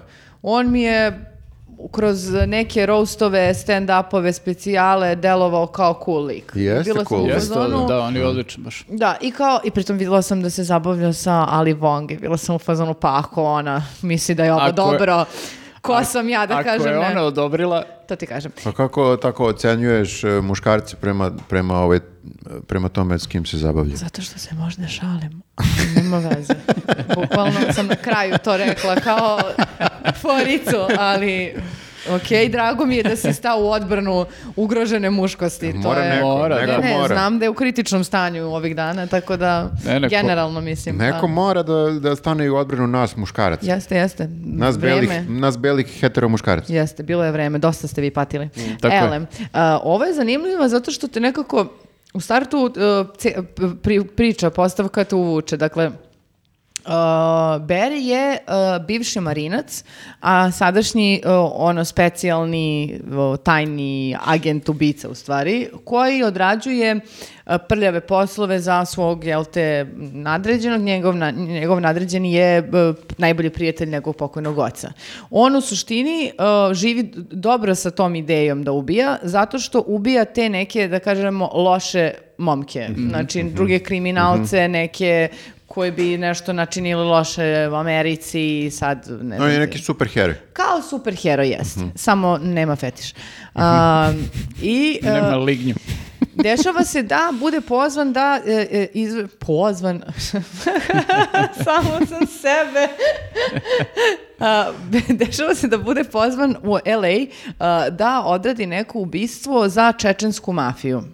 I tu se stvar onako e, drastično menja. Prvo, ta, i onako, e, u LA-u e, slučajno upada u neki studio glume i shvata i završava na sceni kao ono bukvalno partner u, Aha, u aha. sceni nekog lika uh, i on je u fazonu kapira da se njemu u stvari mnogo sviđa da on bude glumac. Ali ne da on bude poznat glumac, on nema te neke aspiracije, njemu je super da on bude tu na sceni.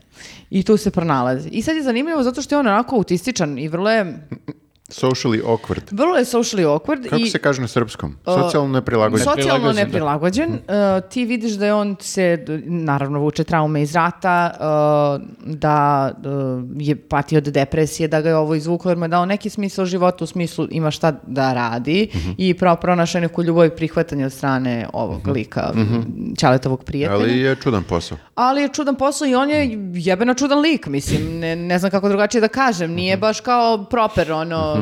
I tu se zna zapravo krije ko- komika u ce, celoj priči. Naravno, čečenska mafija, koliko god da je strašna i ono, spremna da učini razne stvari, o, kroz likove koji su u toj mafiji o, takođe dobijete novu neku prizmu humora koja je jako zanimljiva, zato što sve, zapravo, svi likovi ako su postavljeni stereotipno, kako bi očekivao lupam e, čečenski mafijaš, e, pomoćnik glavnog i on jeste krvoločan, ali on ima i svoju nežnu stranu i on je jako lepo vaspitan i on želi poštovanje, ali ne na samo zbog poštovanja, nego kao pa mi smo prijatelji, mislim. I kao to su neke knjige, tu su neke, znaš, kao sada, mislim, potpuno, znaš, a, a onda s druge strane i to, a, a, kao neka plavuša koja želi da postane glumica i delo je da će ići u pravcu to, samo njena, njegova kao, jel te, potencijalna riba koja će smuvati i to će biti to. Međutim, ne, on je raslojavio na drugu stranu da se tu zapravo pokazuje čitav ono um, sebični nastrani deo o, ambicije i potrebe za uspehom i probijanjem i nesreća. A, tako da a, meni se a, serija jako svidela i uvukla me. Izvini, koliko ima e, sezona? Ima tri sezone, Tri. tri, sezone i ono što je super, epizode traju po pola sata.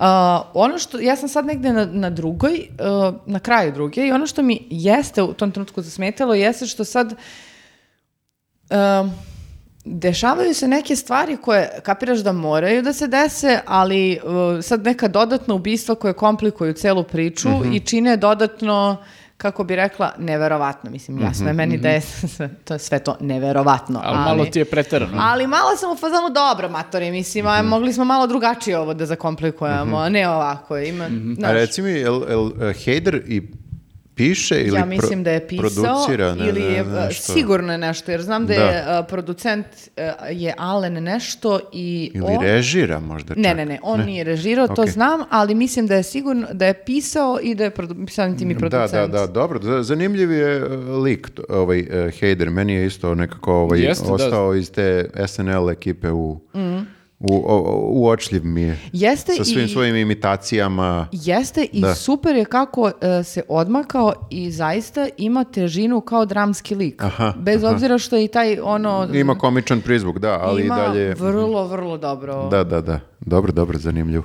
Cool. Da. Zanimljivo. Dobro, od meni je to na spisku ta serija, ono da gledam u nekom trenutku, ali vidim Ja da sam ima nešto... jednu epizodu, samo kažem. Da, e, ona ima nešto dosta sezona, čini mi se već. Ne, ima Tri samo. Tri, Tri. i ja mislim da sam negde pročito da će četvrta biti poslednja. Kraj, aha. A ja Da. sam baš mislila da je treća posljednja. To je okej, A, onda okej, mogu da možda sam sačekam. pogrešio. Izvini, možda si i ti u pravu. Ne, ne, Ne, ne, ne, izvini ti. Ne, ne. Možda ste Ne, ne. u pravu. fini, na, na, na, na. Mi smo svi drugari. Jo, mi se poštujemo i volimo.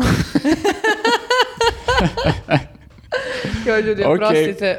Paš, Nema Dražića pa. Da, Um, dobro. da, eto, sve u svemu preporuka. Dobro, ja ovaj, sam gledao jednu top seriju. Ja, znači, o- oduševljen sam stvarno serijom, uh, izbegavao sam je dosta dugo uh, i onda sam na kraju prelomio, rekao, ajde da krenem da gledam da vidim kako je. Breaking Bad. Ne, da, da, da, kao izbegavao 15 godina da gledam. Game of Thrones.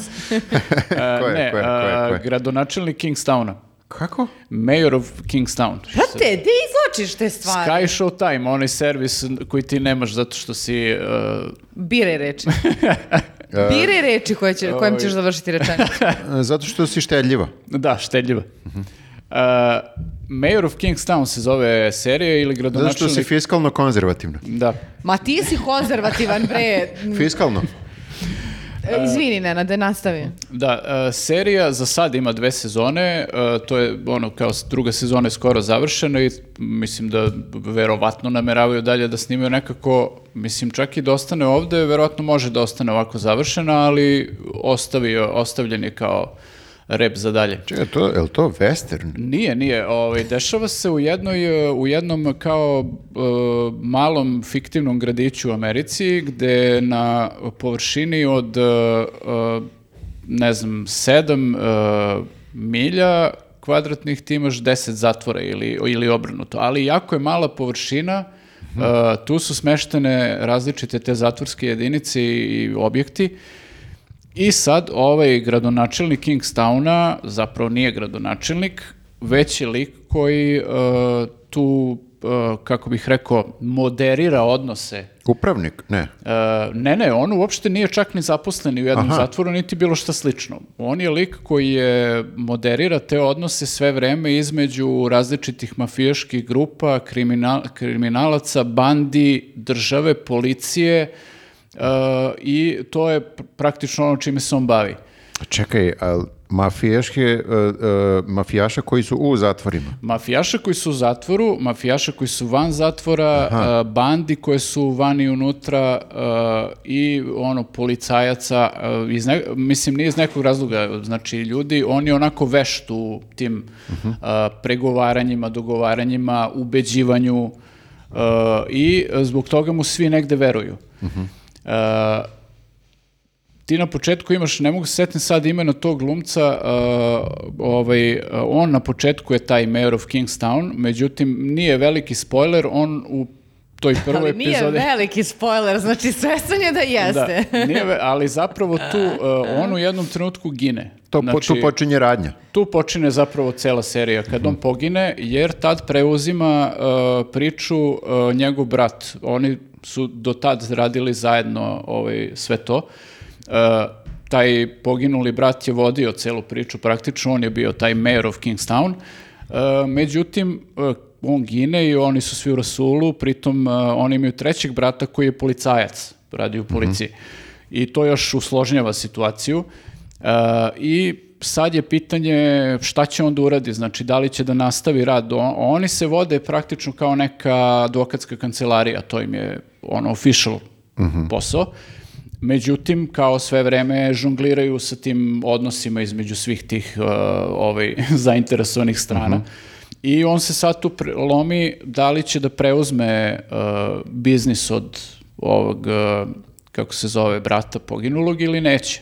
I na kraju, naravno, prelomi da, da preuzme sve to, da, mislim, spontano je neko, o, nekako uzeo da to radi, zato što je došla uplakana žena koja je muž u zatvoru i koja mora nekako da mu prosledi poruku i čula je da on završava takve stvari, to jest oni, i došla je da ga moli za pomoć, ono, potpuno očajna i on, ovaj, makoliko hejtuje ljude generalno i, i nervozan je sve vreme, on je ajde u pičku materinu da odradim to.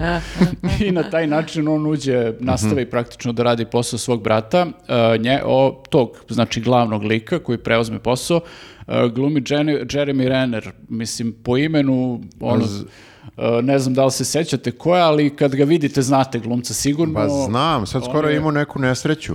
Jeste, da, on je glumeo, mislim, meni je ostao u pamćenju polozi u onom filmu Hurt, Hurt Locker. Da. uh, koji je bio, da. dobio, izdobio neke silne Oscare tada i baš je bio hype oko tog filma. I igrao ovog uh, uh, superheroja, ovog uh, uh, Hawkeye. E, e, tačno, Da. da. Uh, uglavnom, znači, jako je dobar u toj ulozi. I sad, serija traje dve sezone, po nekih sat vremena su epizode, desetak epizoda ima jedna sezona. Uh, apsolutno neću ništa da pričam šta se sve dešava, dešava se u te dve sezone mnogo toga, ali ono što je uh, uh, suština je šta god da se dešava, samo postaje sve gore i gore. Znači, to je nešto neverovatno. Ti si u fazonu, ok, kao jedna situacija, nekako uspiju nešto da ishindluju, desi se još veće sranje odmah posle toga u narodnoj epizodi. Uh, nešto uspiju da, da kao srede, ali odmah posle toga dolazi nešto još strašnije. Uh, dosta je onako realistično, uh, realistično je urađena serija. Uh, uh, ima tih nekih i ono i grafik momenata i mene nekako po, po toj realističnosti uh, negde podsjetila možda je samo moj utisak, ali malo me podsjeća na The Wire, s tim što nije toliko spora, dosta je dinamičnija serija, ima nekih ono, ovaj, baš živopisnih likova. Dinamika Silicon Valley. Da, da, dosta- dobra je dinamika generalno i uh, super je opisano, mislim, sve to, uh, uh, svaka, svaka banda je lepo oslikana, ovaj, mislim, vidi se da su ono što se kaže, uradili su domaće što se tiče same Iscimali su se. tematike, da.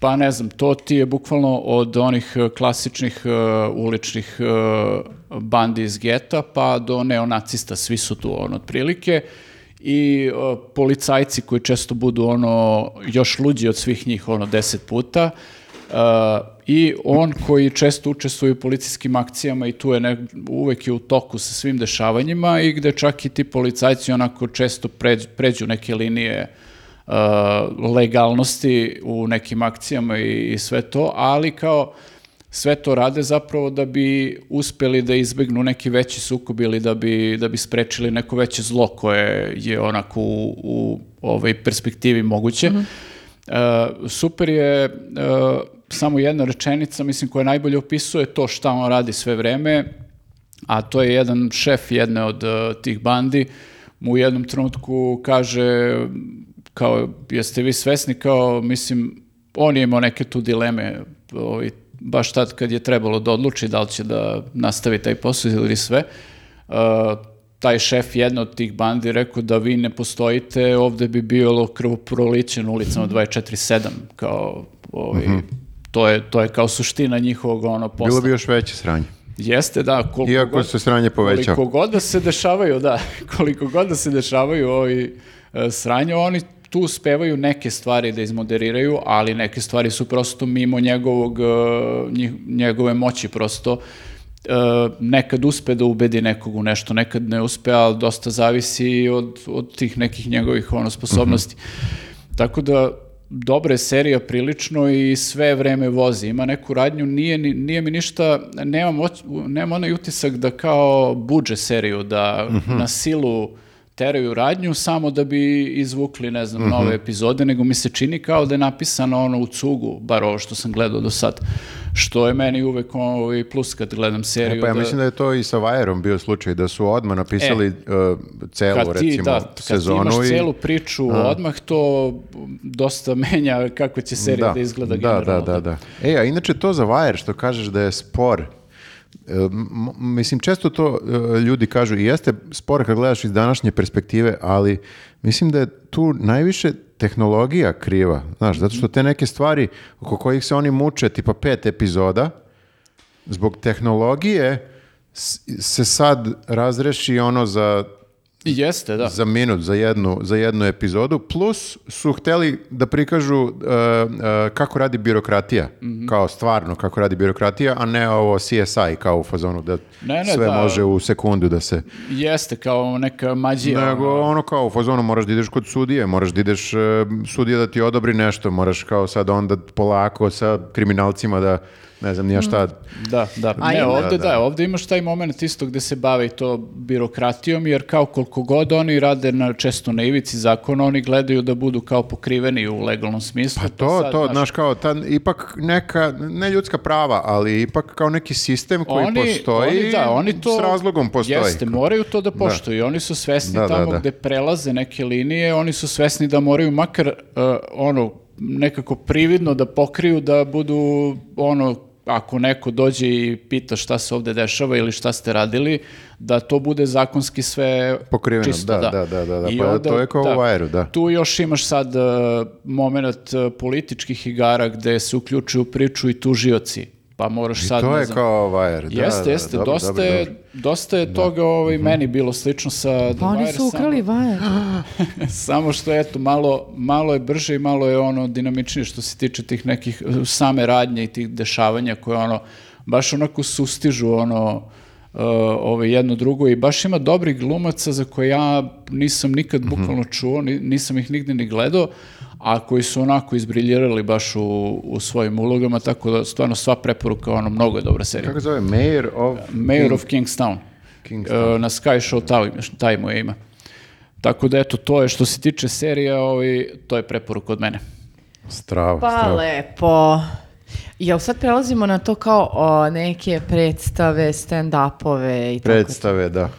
Predstave, uh, U ja- vidu stand-upa. U vidu stand-upova jeste. Uh, uh, predstave koje sam planirala da gledam u, u pozorištu su otkazane Mhm. usled uh, o, svih užasnih okolnosti, tako da to ostavljamo za dve nedelje. Uh, a uh, ovom prilikom bi preporučila, u stvari rekla bi da sam bila na stand-upu u Beču. Ti bila si na pravom stand-upu, znači Da. ne ovo kao na TV-u, nego Da, Šta si pravi u živi stand-up. Da, da, uh, gledala sam Tom Seguru, Toma Seguru, uh, to sam kupila sestri kao rođendanski poklon, pošto i ona i ja jako gotivimo njega i njegovu ženu. Mhm. Uh, u sušt- Kristina P. uh, Kristina Ša- Šamp, tako nešto. Za nije skraćenica Kristina P.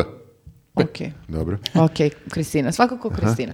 A, da, a, i ja e, sam, vo- mislim, volim i njega i njegovu ženu, Toma Seguru volim zato što je nekako um, relaksiran njegov humor, e, ne napinje me. E, on ima e, pitke priče, često lične ili tako nešto vezane za sad određene e, ono, manjinske grupacije.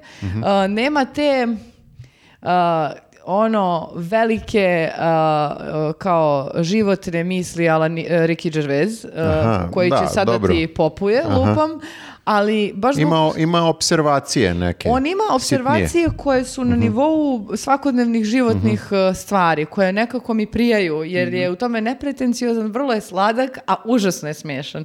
I pametan je, mislim, čovjek. Uh, da, meni je ovo bilo da, prvi put da gledam tako nekog stranog velikog uh, Mhm. stand-upera. Uh, super je bio, mnogo mi se na, na, na- više svidao kraj nego početak.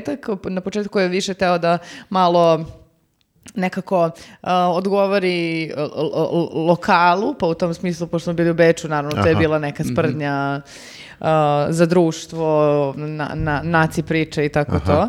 A, bila je okej, ali nisam bila ganuta time. A onda kad je krenuo da priča svoje priče vezano za odnos sa majkom, uh, sa decom, uh, uh, kako je pao, polomio se i tako dalje, kako mu se žene, kako je žena pala, polomila se, to mi je već bilo ono urnebesno, bukvalno da smo se držali za stomak.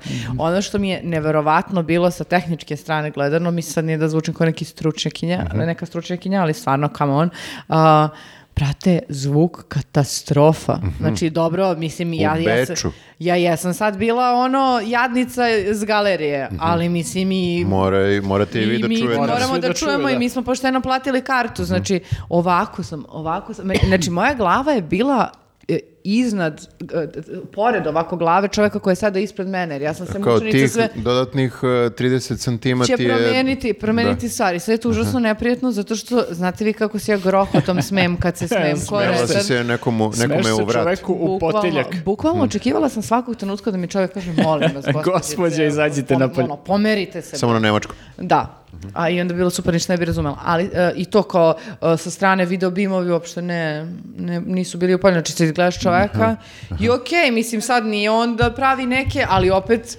Lepo je vidjeti lepo je izraz vidjeti, lica, da. ima grimase i pritom, znaš, on neki put ne, nešto tako kaže, to kad kaže, nema da. šanse, znači bukvalno Da. ne, od- s Bogom. Jeste se smejali zato što se drugi smeju. Ha, ha, ha, ha, ha, ha, ha. Pa da, E, da, da, ne, ali okej. E, mislim, e, smejala sam se kad sam čula šta mi je smešno. E, I tako, mislim, stvarno mi E, je ona bilo... se smeje ono sa tri minuta zakašnjenja dok stigne fora do nje. Ono. Otprilike, bukvalno dok skapiram, jer em slušaš na drugom, je, mislim, na jeziku koji nije tvoj maternji, em... uh, Ne čuješ, da, em da, ne da. čuješ, a...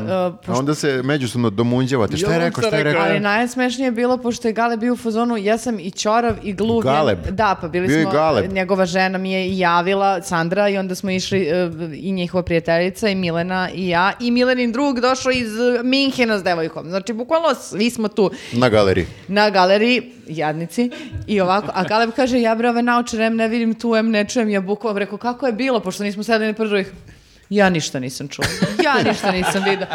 Ja rekao, pa kakva tragedija, znaš, ono, Kako je bilo- pogledat ćete na Da, Netflixu kad kako je bude bilo. na stand-upu, ne znam. Ne znam, mislim, on je pohvatao tu, kaže, ali ako ne uhvati, na primjer, ako se neko mnogo smeje, a ovaj krene dalje da priča, ovaj ne čuje početak fore, a onda ako krenu da se smeju na kraju fore, onda opet ne možeš da čuješ zato što se mnogo ljudi deru.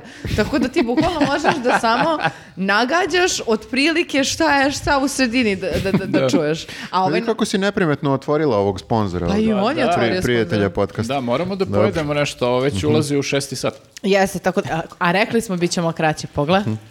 Nema kraće. carevi, dva sata, a nismo ni, ne na pola jesmo, A ali... jesmo, da, ima još malo. A ima, ima. A, da, znači to je stand-up, uh, generalno p- preporučujem Toma Seguru, mislim da je super, ima nekoliko njegovih stand-upova na Netflixu i njega i njegove žene, njegova žena čak ima dva. Ovaj poslednji je onako uh, na tragu ovih novih um, kako bih rekla, na tog talasa neke samospoznaje, odnosa sa roditeljima, velikih istina i tako dalje, ali koje mi nije smetala da slušam. Zato što bude onako, to je ono što sam pričala skoro, bude nekako kao ovaj, onaj lik što ga je režirao Bob Burgam, koji je na tom stand-upu saopštio da je gej. Je, uh, onaj bre, Jerome nešto, sećaš se u crvenoj košulji? Zaboravio sam potpuno. Da, ne znam nijako. Nebitno, ali hoću da kažem da je, mm, postoji taj manir da mm, mm, stand-up bude neko, mm, neki moment ispovedni, onako intimni, što kad se lepo ispriča i oplemeni možda bude do jaja, zato što je lično mnogo ti je još iz- dodatno kao smešnije, zabavnije. Ali u, ne, u nekim stand-upovima koje sam gledala, to pre, prenala su u manir neke samo ispovedaonice u kojoj je sad lik na sceni ispoveda mi se za neke stvari, a nema nikakvog twista zbog kojeg i želim, zbog kojeg smo i došli i očekujemo da, ne znam ti ti si u što slušamo. Jeste, jer kao meni je stvarno super i posebno kao cenim kada kao uh, stand-up komičar hoće da iznese i li- lično intimno, ali i ono mm, njegov odnos prema, ne znam, društvenim nekim uh, situacijama, političkim uh, i tako dalje, ali ne možeš to samo da kažeš i da pritom Da Mislim- nema ništa iza toga, da. da, mislim, ili možeš ako je nešto baš, baš ozbiljno, ali to onda samo to jednom, a sve ostalo moraš da ga nekako... E, a Kristina, Kristinin posljednji stand-up mi je, da se sad vratim, pošto sam i, i digresirala, um, upravo se bavi preispitivanjem koje ona kao žena, majka, koja je po- postala u posljednjih par godina, morala sama sa sobom da odradi sa svojom mm, pokojnom majkom. I, I ta preispitivanja i koliko je zapravo ispričala priču koja je važna, u stvari ti da čuješ, jer ti na kraju dana i ti treba neke stvari da isto možda preispitaš, ali je bilo usput i jako zabavna. Iako je na kraju kad ga poentira, poentira ga pa ti budeš u fazonu uf, wow, ali između svega toga je bilo baš, baš, uh, baš, baš humora. Tako da njih, za njih dvoje je velika, mm, velika preporuka generalno, a drugi stand-up koji, ajde to onda mogu kasnije, ajde vi pa ću onda ja.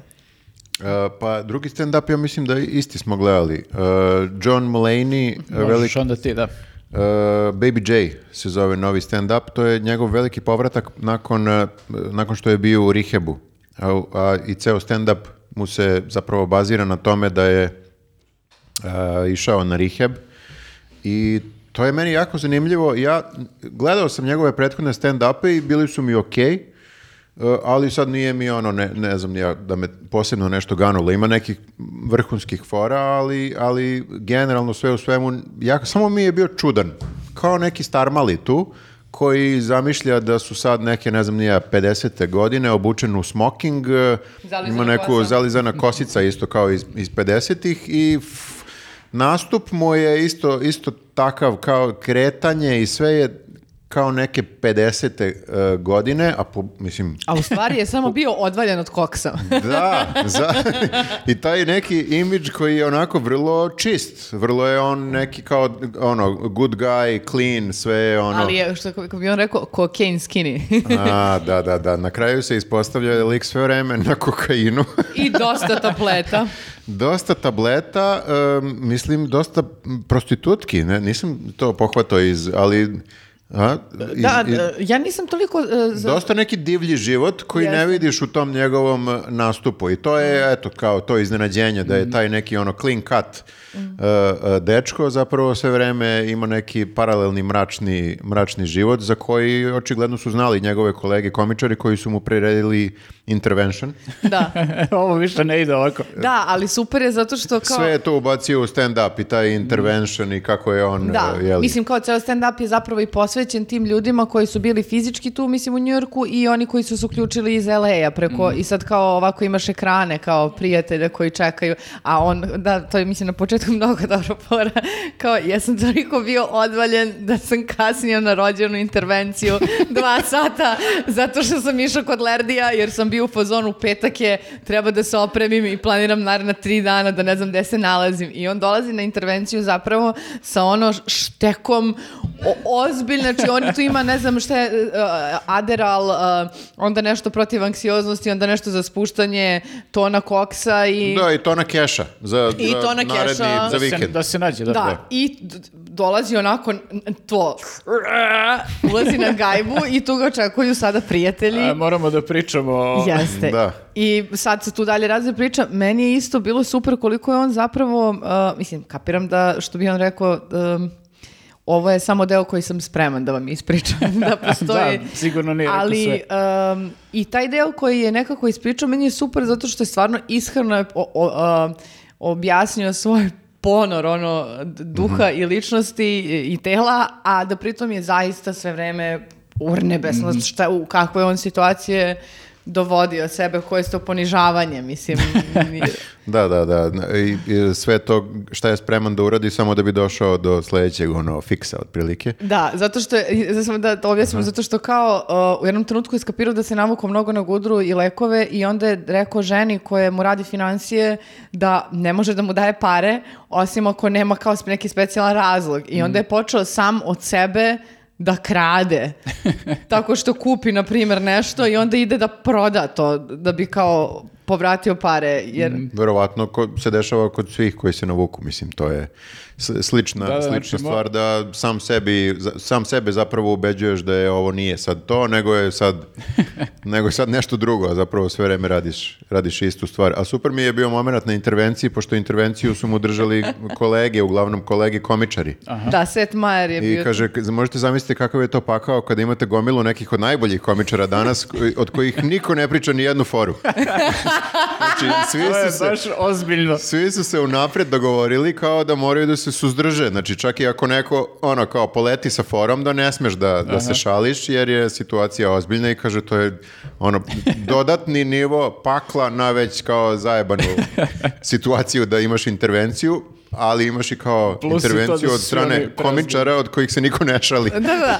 I super je to kao, uh, svi su uh, kao ultra poznati komičari, kao, zamislite sada da vama kao dugujete život nekom čovjeku, kao, e sad zamislite da dugujete tipa, da ima desetora ljudi kojima dugujete život, kojima svaki put mora da se zahvalite, svaki put doživotno otplaćate večeru, jer mislim šta je večer u odnosu na spašen život. Da, da, kaže, iako si bio tu samo na Zoomu. kao nisi se udostojio da dođeš uživo, kao, da mi kraj. spaseš život, nego si mi spasao život preko Zooma. Ali da, Ne, super je, mislim što je uopšte odlučio da priča tako nečemu, zato što uh, je sigurno da je to sada ono što se očekivalo. I super je da je tome, i meni je bilo iznenađenje da je tome posvetio apsolutno ceo stand-up, znači nema druge teme. Da, da, da, da, to Jer je kao, jel ste teli da čujete sve Evo ove? sad. Evo, izvolite. I kao, Strava. baš je... Meni je iskreno zanimljivo, a isto se slažem s tobom, ja sam ga pregledala i bio mi je baš onako kao jebeni čudak i nisam ga do kraja kapirala, nije mi bio previše, zato što je verovatno tako nekako bio previše uglađen da mi nije neku prljavost u sebi uh, koju... iako on psuje i... Jeste nije- i priča ali- on to, da, ali ne da. mogu da spojim lik i delo. Da, da, da, da. da Verovatno namjerno to radi. da Sad smo, ga, sad smo spojili bukvalno uh, sve, tako da je bilo, Da, da, cool. je bilo super.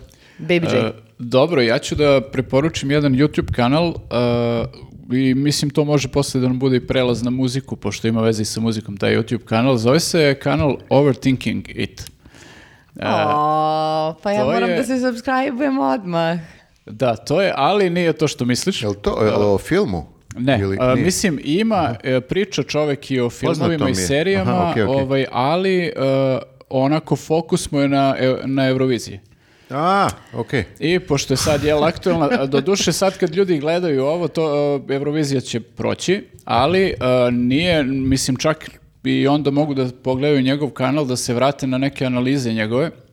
Uh, videi mu često traju tako nešto po 10, 14 minuta, 12, uh, ali jako dobro uh, analizira uh, Znači, svakog on- predstavnika. On, on overtinkuje uh, pesme. E, Euroviziju, da. Amerikanac je u pitanju, vidjet ćete kako se zove, nisam zapamtio ime, ali na početku se predstavi, na početku svakog videa, pa ćete da vidite. Uglavnom, on to ne radi sad kao, ne znam, reakciju na pesmu ili tako nešto, nego bukvalno stoji ovako kao speaker i pored njega idu sad grafike, smenjuju se delovi pesama, spotovi i to.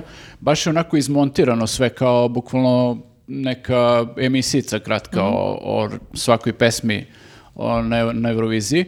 S tim što on ide naravno malo dublje, ako budete kopali po kanalu naći ćete, ne znam, video tipa izdvojio sam, svi, ne znam, s- na, 31 najbolju rock pesmu ikada na Eurosongu, znaš, tako neki On ovaj... je baš posvećen, znači. Baš je posvećen i baš se time bavi ozbiljno. A, ja sam gledao sad posljednjih dana a, kako je analizirao pesmu našu eurovizijsku, Lu- Luku Bleka. A, mnogo je dobro uređeno i baš je onako, a, isto što smo pomenuli, ono kad neko uredi domaći, baš je onako dosta detaljno sve to uradio, istražio, uh, uzima, uzeo je delove njegovih intervjua, citirao za neke stvari, uh, povezuje sve sa referencama koje on koristi, izanalizirao je spot, stihove, uh, sve bukvalno što je mogao i pokazuje tačno ko je, na šta u kom momentu Luka referira, bilo u stihovima, bilo na uh, bilo u ovoj scenografiji na... Znači nešto kao Maja Nikolić, što je analizirala. Jest, da. Otprilike tako. Ko nije, ko nije video, ostavit ćemo link za to. Ostavit ćemo link za to, da. Baš je onako lepo to izanalizirao i mislim ako ne kapirate sad celu tu priču oko Luke Blacka i sve te reference koje on de facto ko- iskoristio u pesmi i u ovoj scenografiji, u koreografiji na sceni, ovaj je baš sve raščlanio onako i do detalja je ovaj opisao. Uh, I tu je još i doveo malo priča o kontekstu, o konstrakti koja je prošle godine imala veliki uspeh, a možete pogledati i taj video od prošle godine, isto je jako detaljno sve ovaj, o- objasnio i uh, možda, mislim, pošto je jeli konstrakt ona koja je, kažemo, bila a, slojevitija i ozbiljnija još više nego Luke Black, a, onda je njegova analiza onako bila malo još ozbiljnija. A, tako da možete pogledate, bukvalno radi to za svaku pesmu koja se plasira na Euroviziju i plus ima gomilu tema koje znači nemaju veze sad sa konkretnim predstavnicima ovaj, na takmičenju, nego pravi neke kompilacije ili neke zanimljivosti o Euroviziji i slično. E, ima neke klipove koji su, ne znam, o Game of Thronesu, o serijama, o nekim filmovima, ali oni su onako prilično zatrpani u, u, u ovom euro- evrovizijskom Aha, delu. ovo mu je izgleda ono eksplodiralo pa je, tim, pa je stavio akcenat možda na- Verovatno ili jeste, je da. jednostavno kao toliki fan Ne, Eurovizije on da je jeste, pre... č- o, jeste Mhm. baš ono, očigledno je da je dosta veliki fan Mhm. i vidiš koliko poznaje sve to, stvarno zna, jer to ne možeš da, da kao znaš, a da ne pratiš u kontinuitetu godinama, stvarno je onako Mhm. verziran za sve to, ali mi je super što, znaš, svaku pesmu se baš iscima da izanalizira onako do u sitna crevca, i, a pritom to ni jednog trenutka nije dosadno i suvoparno. Stvarno i montaže su brze i on lepo priča i ima neke forice koje ubaci povremeno pa ti nasmeje. E, tih, ne znam, 14-15 minuta proleti bukvalno. Ja volim takve kanale. Ima do- e, nekoliko tih koji su jako dobri, koji Mhm. analiziraju da li pesmu, da li sliku, da li,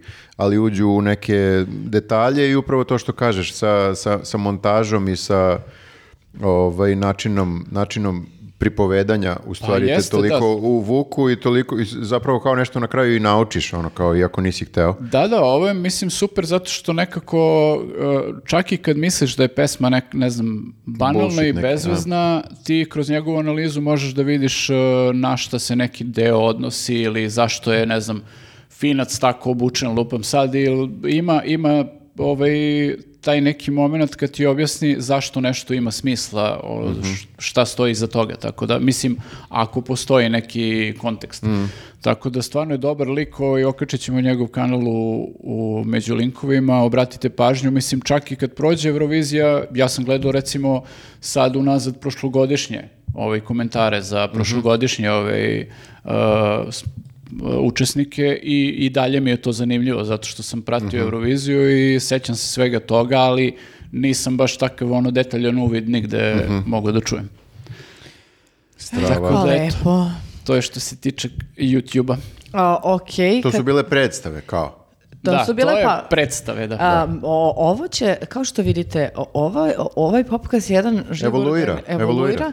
I evo, na primjer, sljedeći put možda će ona uh, polica da stoji s ove strane, a možda će na, uh, umjesto police da stoje ne, ne- neke, neke treće stvari. Sad si spojlovala. Ne znam ja, možda, možda ćemo sljedeći put da krenemo sa muzikom, na primjer, a ne sa knjigama, Vidi jer kako smo seli, ja sam Nikad seo se ovdje, ne Nenad zna, seo da, ovdje. To je ludilo. pre- pristajem da neke stvari Vidi ga menjamo. Dražić na što liči. Bukvalno ne, ne, nestade Da čovjek. ga ne pogledaš. A, nestaje. A, htjela sam samo da kažem da prosto sve dok se osjećamo dobro u tim promjenama možemo da, kad kažem dok se osjećamo dobro, mislim ja dok mogu da podnesem da se takve stvari menjaju. Baš sad razmišljam kao, meni je okej, kao ko, ko se ne bi osjećao dobro, ali sam se setio, da. Da, Da. da, da. Danas ste me, ono, ali, mo- Danas smo te zbrzali malo, ali... ali već zadovoljna sam kako je ispalo, posebno ovaj novi kao moment gde je kao pročišćeno, a je top. unutra stoji, razumeš, Ludilo. kao ne, ne visi ovde ono, E, recite nam šta mislite o novom izgledu ovaj, e, studija, ono kao... da. Da, ili vam se sviđa? A, da, da, prokomentarišite malo, ali vodite računa da neki od nas ne podnose dobro kritiku. Ne znam zašto gledaš u mene. Ovaj, Okej, Ja bukvalno v- obožavam kritiku. da, da. Sve dok me miluješ po glavi, to mi govoriš da slučajno ne pomislim da me odbacuješ. A, muzika. da. Prelazimo na Muse-u. E, ja moram da priznam da se za muziku nisam baš dobro pripremila, osjećam se kao na ispitu, a, ali mi je palo na pamet da e, jedan od bendova koje jako gotivim, a zove se The National, e, treba da uskoro izbaci novi album i sad sam proverila i vidjela sam da im je izašao krajem aprila.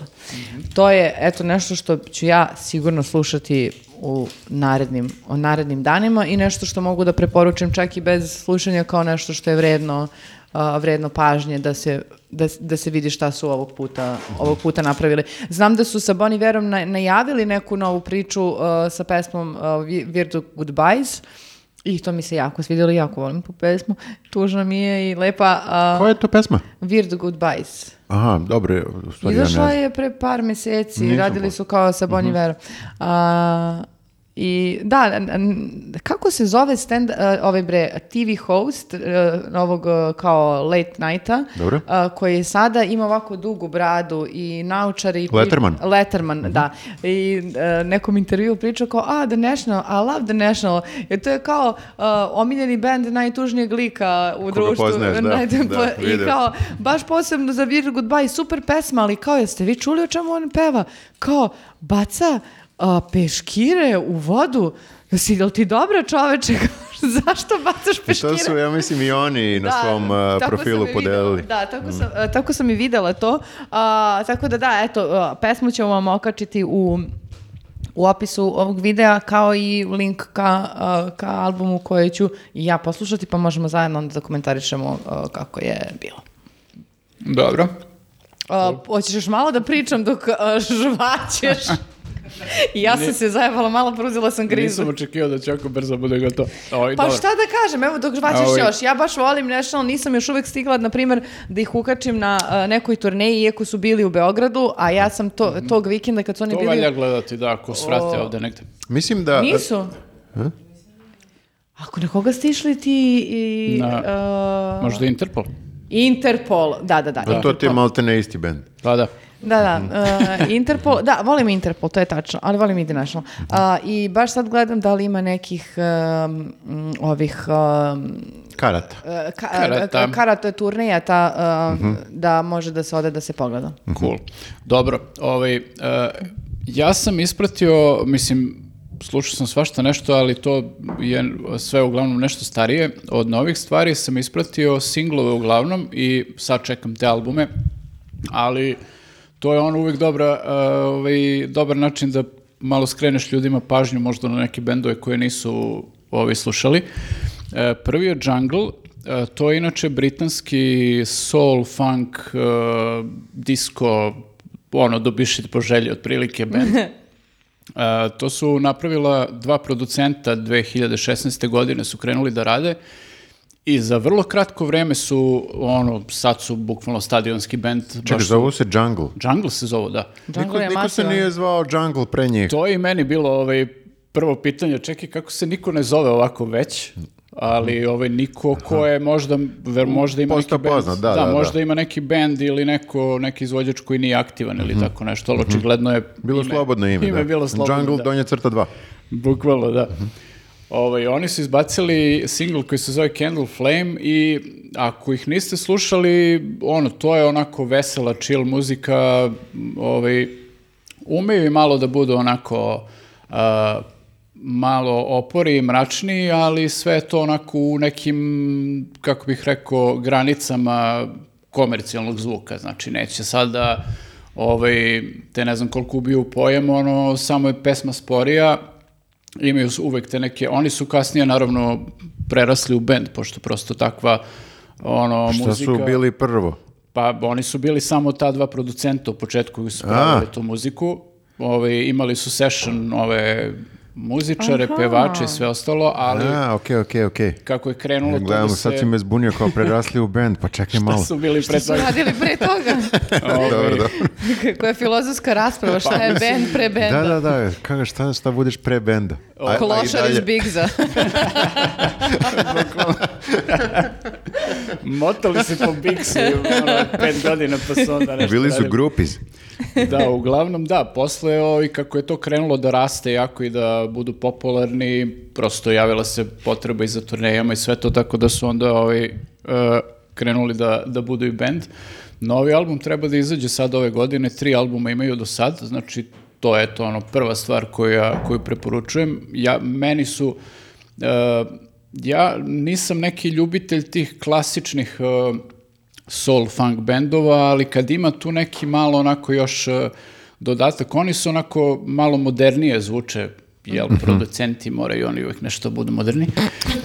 Ovaj, Vidi ovog, ono, m, kritičara. e, I meni se to dopalo, što je to malo nekako, kako bih rekao, onako mali iskorak u odnosu na neki e, tradicionalan zvuk tog tipa. Koji producenti proizvode? Pa dobro, mislim, imaš gomilu tih bendova za koje manje više svi znaju, ono, funk, ovakvi, onakvi, i to sve nekako, ovaj, mislim, ne da zvuči isto, ali ovo je, ono, Je li malo- ovo sada post-funk? E, Neopunk. ne, neo soul. O, Neo to- so, a da. rekla sam punk, jo, jadno. O, čak i na, da, njima čak i na Wikipediji stoji neo soul. Tako da, eto, to je neka odrednica. Je pritom nisam toliko u, u baš toj materiji da, U neofunku? da znam koliko ima Neo soulu. smisla. neo, da. pardon, neo soul je li funku. to Morčiba? Šta je Neo Soul? Nije, Morčiba je, ono, oni su se vodili kao trip hop. Aha, o Da, majko. plus nešto. Koliko sam ja zastario. Ja sam toliki retard za te kao uh, stavljanje u neke žanrove. Mhm. Znači, bukvalno ono najbazičnije. Tragično, komično, Aha, a- kao- a- akcija. Kako te radi, kao da li te radi na kri- plač? kri- Dobro, Krimi. Party Breakers, rock and roll. Razumem, razumem. Ali sad, na primjer, a, e, to glede muzike, glede filmova, serije i to, ali jesam ja umem da ti objasnim i ko što se tu dešava i Da, da, da. likove, ali ne znam zašto je koji ima mindfuck ono da samo ne mogu da, nije da, ne mislim da sam neobrazovana. Koji mislim, žanr su National? um, Aj, brzo. Indie rock. Bravo, Dobro bravo, si, dobro si, bravo, dobro si. bravo. Slash post-punk.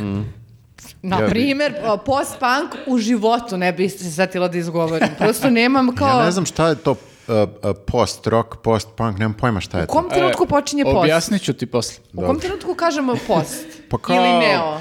Znaš, na, uradili su iskorak u odnosu na klasičan punk, recimo. Znaš. Jasno mi je, ali... Sve, da, Ali ne, znaš, ne znam ni ja šta je to. Ali u Nego- kom momentu su onda, je li to kao za vremensko Pa razdoblje? recimo, Ne, ne, ne. mislim, ajde gledaš ovako, post-punk, oni su malo izbacili gitare i bazirali više na bas gitare i zvuk i ono mračnije od punka, mislim, Joy Division, eto.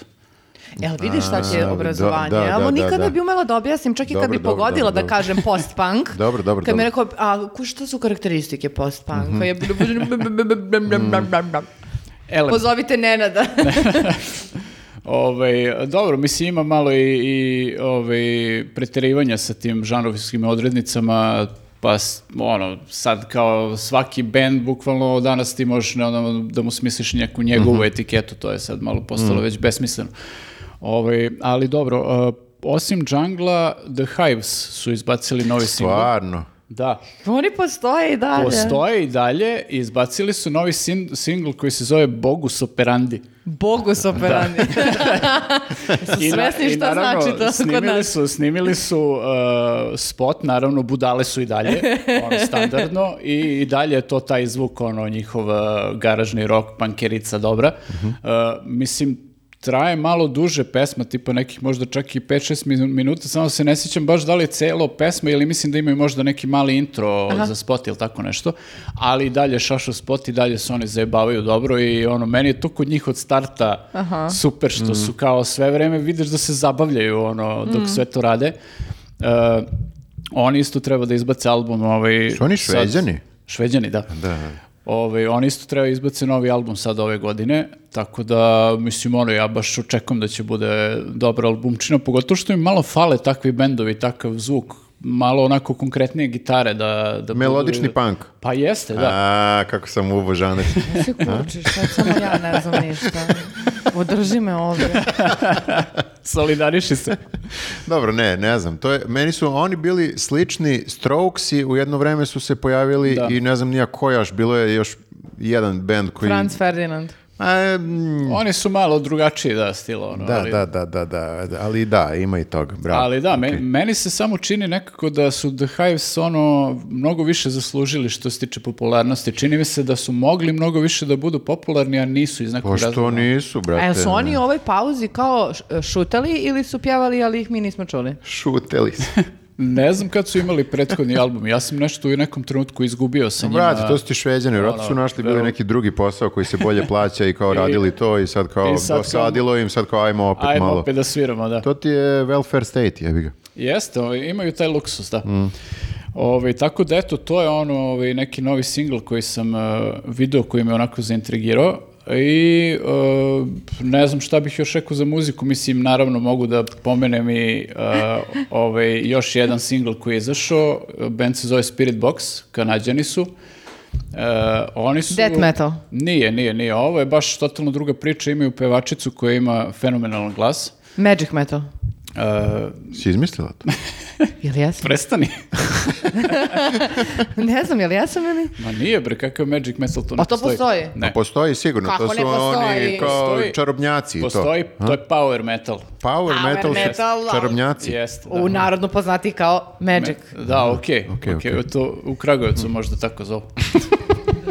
Čemu ovo? Čemu? Čemu prozivka iz Brusa je? U Brusu power metal zovu power metal. da, da, da. Uh, Elem, uh, ovaj uh, Spirit Box je jedan band koji ja uh, obsesivno volim i uh, agitujem da ljudi slušaju Spirit Box ono na sve strane.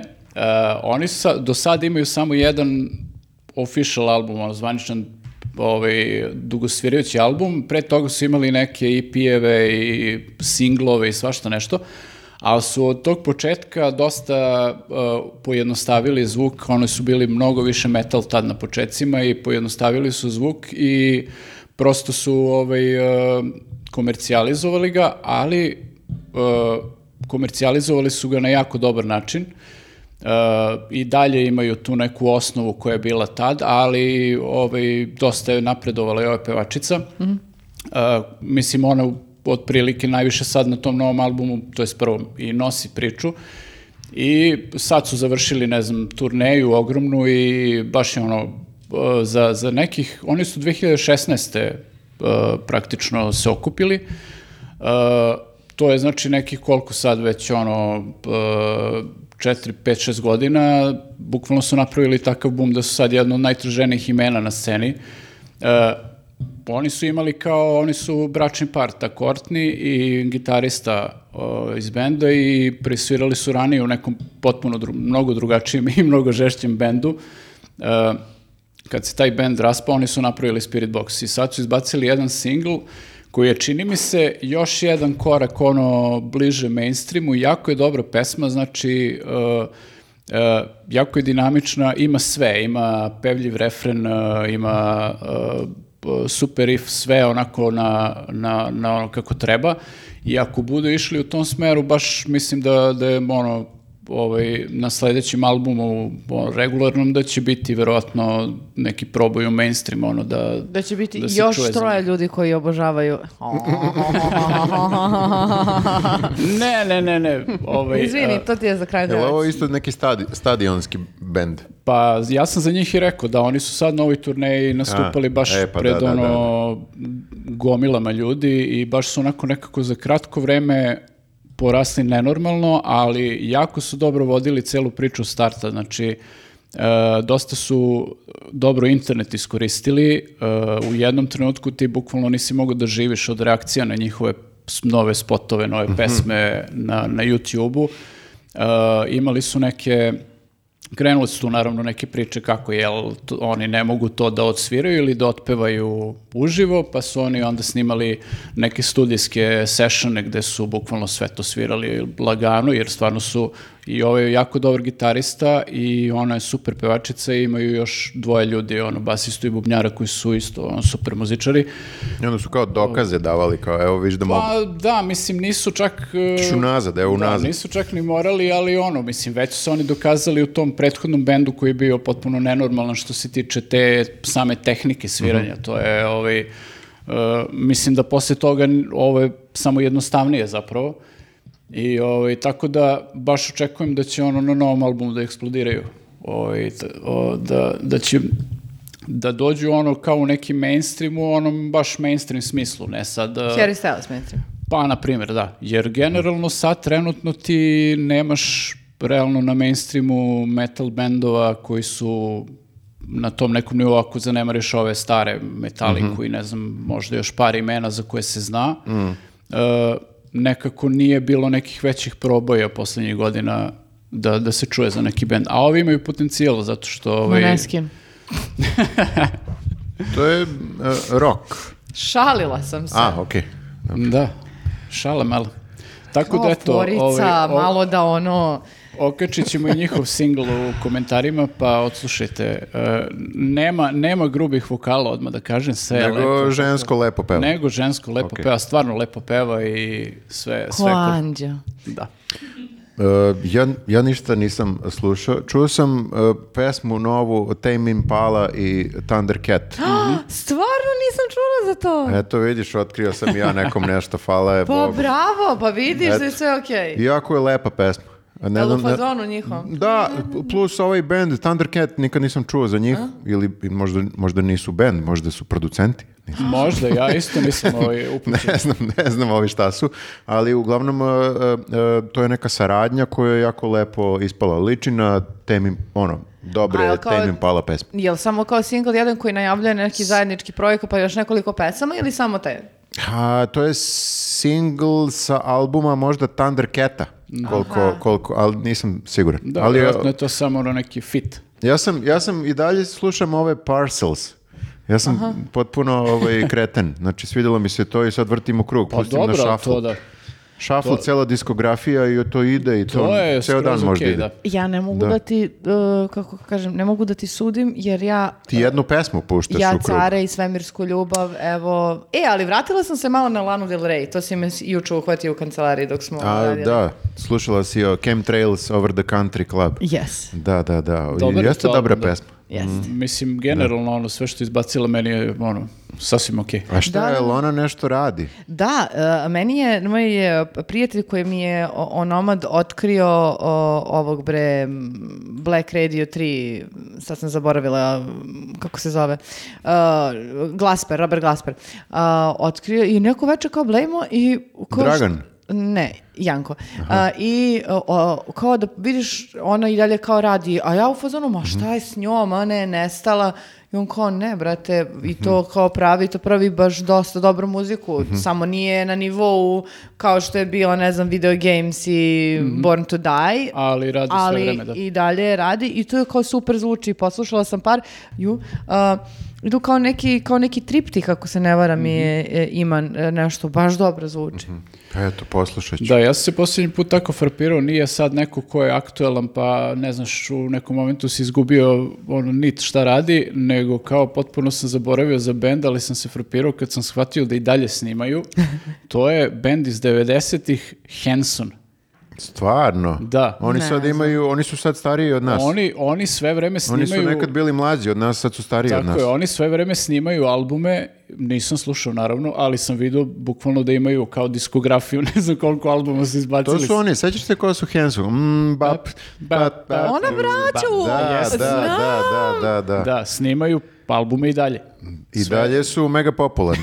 Moguće u Ali Americi, gde, na kao primjer. u Kanadi? Ne, možda su u Americi popularni, znaš. Ima u Americi neki Imaš band te- nastavi da bude popularan, nik- ostatak sveta ne zna. Jeste. Znaš kao ono u, u Japanu, veliko u Japanu. Tako isto i u Americi. Big in Japan. Big in Japan, da. Jest. Da. Ali ludilo je, na primjer, uh, ono što me posebno oduševilo jeste da uh, je ovaj producent Dan Auerbach, koji je u Black Keysima, Mhm. on je radio i sa Lanom uh, baš jedan, jedan cijel album, ja nisam imala, bukvalno, bukvalno sam fuzona, jebote, Ma ti što si neobrazovana, ti- ti toko seljanko, ne znaš ništa, kao Ti ložiš se na nešto. producenti nekad e, prerastu u band. Jeste, da. ne znam da li znaš, ali Postanu band, producenti Postanu postanu band. jeste, da. Moraš u nekom trenutku da postaneš bend. A, inače, Pa evo šta i- si uradio? Evo i David Guetta, on je sad bend. Stvarno. Da. David, David Guetta Band, tako mu se zove. Kako mu se zove, tako nastupa na, na festivalima, nastupa kao David Guetta band. Kao Acapulco Band fazon. Ili Amadeus band. Ili OK band. A to je uvek bilo čudno, zašto mora da se doda band, jer mi vidimo da ste band. Jasno je da su bend, da. Band To je ste. bio taj trend. Trend band. Da, I bilo je čak trend posle da oduzmu band, Lexington Band više nije Lexington Band, samo Lexington. jeste, jeste. Da, da, da, okej. je, da, da. Shvatili su da, kao vidimo... I Tropico. ono, I Tropico isto. Da, da, da. Koga smo još imali? Ne, jas- E, E da, ja kad smo kod e, koncerata, ja sam e, bio na koncertima sad posljednje vreme. ok band, izvini molim. Ok. Rekla band. sam malo pre. A, jes, Ali nemoj. Ovaj, I don't, mislim, bio sam na Soilwork i Kataklizm, to je ono, verovatno ljudi ne znaju toliko, ali ovo drugo znaju Exploited. Stvar, gde ima Da. Exploited? U domu omladine su bili. Kade? Sad pre neki dan svirali. Kada? Kad nisam uopšte zakačio to. Mislim, E, ne bih išao jer ja sam i star. dalje- Ali bi gledao jednu epizodu. Samo bi malo kao provirio i otišao. Da, a, okej. Da, da. Jel bacio neko suzavac? I dalje, e ne, prošlo je bez suzavca, bile su jako rigorozne mere kontrole zbog svega ovoga što se dešavalo i e, obožavaju ih ljudi ovde i dalje. Pa što da ne, mislim, baš. to je veliki bend. Jeste veliki Stvarno. bend i stvarno je bila luda atmosfera Mm. potpuno i, i ovaj, baš, baš, baš onako dobar koncert. Nemoj da me pitaš. Neću, ne. Da li je ikad čula?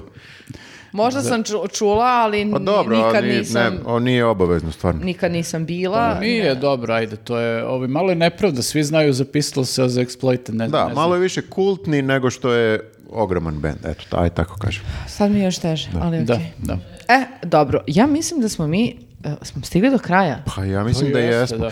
da. Ja bih hteo da zamolim ljude da mi preporuče neku dobru muziku. Uh, preporučite mi neku dobru muziku. Zato što ovaj, Šta da slušam pored o, ovaj... pored Parcelsa, Pored ako, Parcelsa. ako može nešto, uh, ali ne mora da bude isto kao Parcels. Znači ja sam otvoren za razne žanrove, ono što Pa do se skoro je slušao one ukrajinske neke ili ruske pesme. Jeste, tako mi naletelo. Da, da. Ali, eto, d- zato što voleo bi, ovaj, nisam, ne osjećam se dobro zato što ništa nisam slušao i voleo bi da mi ljudi nešto preporuče, eto. Pa znaš šta, nekako bude, i ni, sa- ni ja sad nisam nešto uhvatio da slušam sad neki ceo album, nešto zanimljivo, prosto naiđe takav period, bukvalno sam samo ove singlove neke ukačio Mm. da su, ono, interesantni i eto, tako da... O, daj i single, nema veze, daj šta daš. Ne, ne, ne, ne, ne možemo, moramo održati određeni kvalitet. Znači, naravno, treba da slušaš muziku i nek ti preporuče, ali ako dođemo u situaciju da nema kvaliteta koji zadovoljava naše kriterijume, a to je baš nisko, Ali ja mislim da je problem u meni. Znaš, nisam se samo nekako, ovaj, nisam se osjećao kao da otkrivam nove e, stvari i onda zato, sigurno je dosta stvari dobrih bilo nego prošlo pored mene. da. Da. Nije do tebe, do muzičke scene. ne, ne, do mene je. Muzička scena nikad nije bila u gorem položaju. Kako veš ugled Srbije? Mhm. A, iako smo na, bili skeptični na početku ovog podcasta i napravili milijardu ograda, a, mislim da smo Evo jedne ograde ovde. Evo jedne fizičke, a boga mi ove ovako verbalne, mogu sa, slo- slobodno sa sigurnošću da kažem da smo pokidali ovaj podcast. Pa Ja volim kada, kada Dobro, ovaj si dobro zadovoljna. tako Dobro. da- Dva i po sata, Da. odlično. Odlično, Zabavno je bilo. jeste. Tako da, uh, uživ, nadam se da ste uživali. Hvala, nam, hvala vam što ste nas gledali do, do, do kraja. Pišite, Čak i u ovako manjem broju. čak i u ovako manjem broju. Nadamo se da, ste, mm, zadovo- da smo zadovoljili vaše jel te, ono, kriterijume uh, koji su visoko postavljeni. A, ne zaboravite da smo u Kraljevu uh, 29. maja. Komentarišite uh, ispod uh, ovog videa šta vam je najzanimljiviji i najzabavniji moment bio u ovih 10 popkasta. Jeste da najbolji- dobijete manč zombijana majice. E, to, to. Da, da, najboljih pet ćemo da nagradimo, najzabavnijih pet ćemo da nagradimo i to je to, vidimo se za dve nedelje. Vidimo se ljudi, čao. Ćao.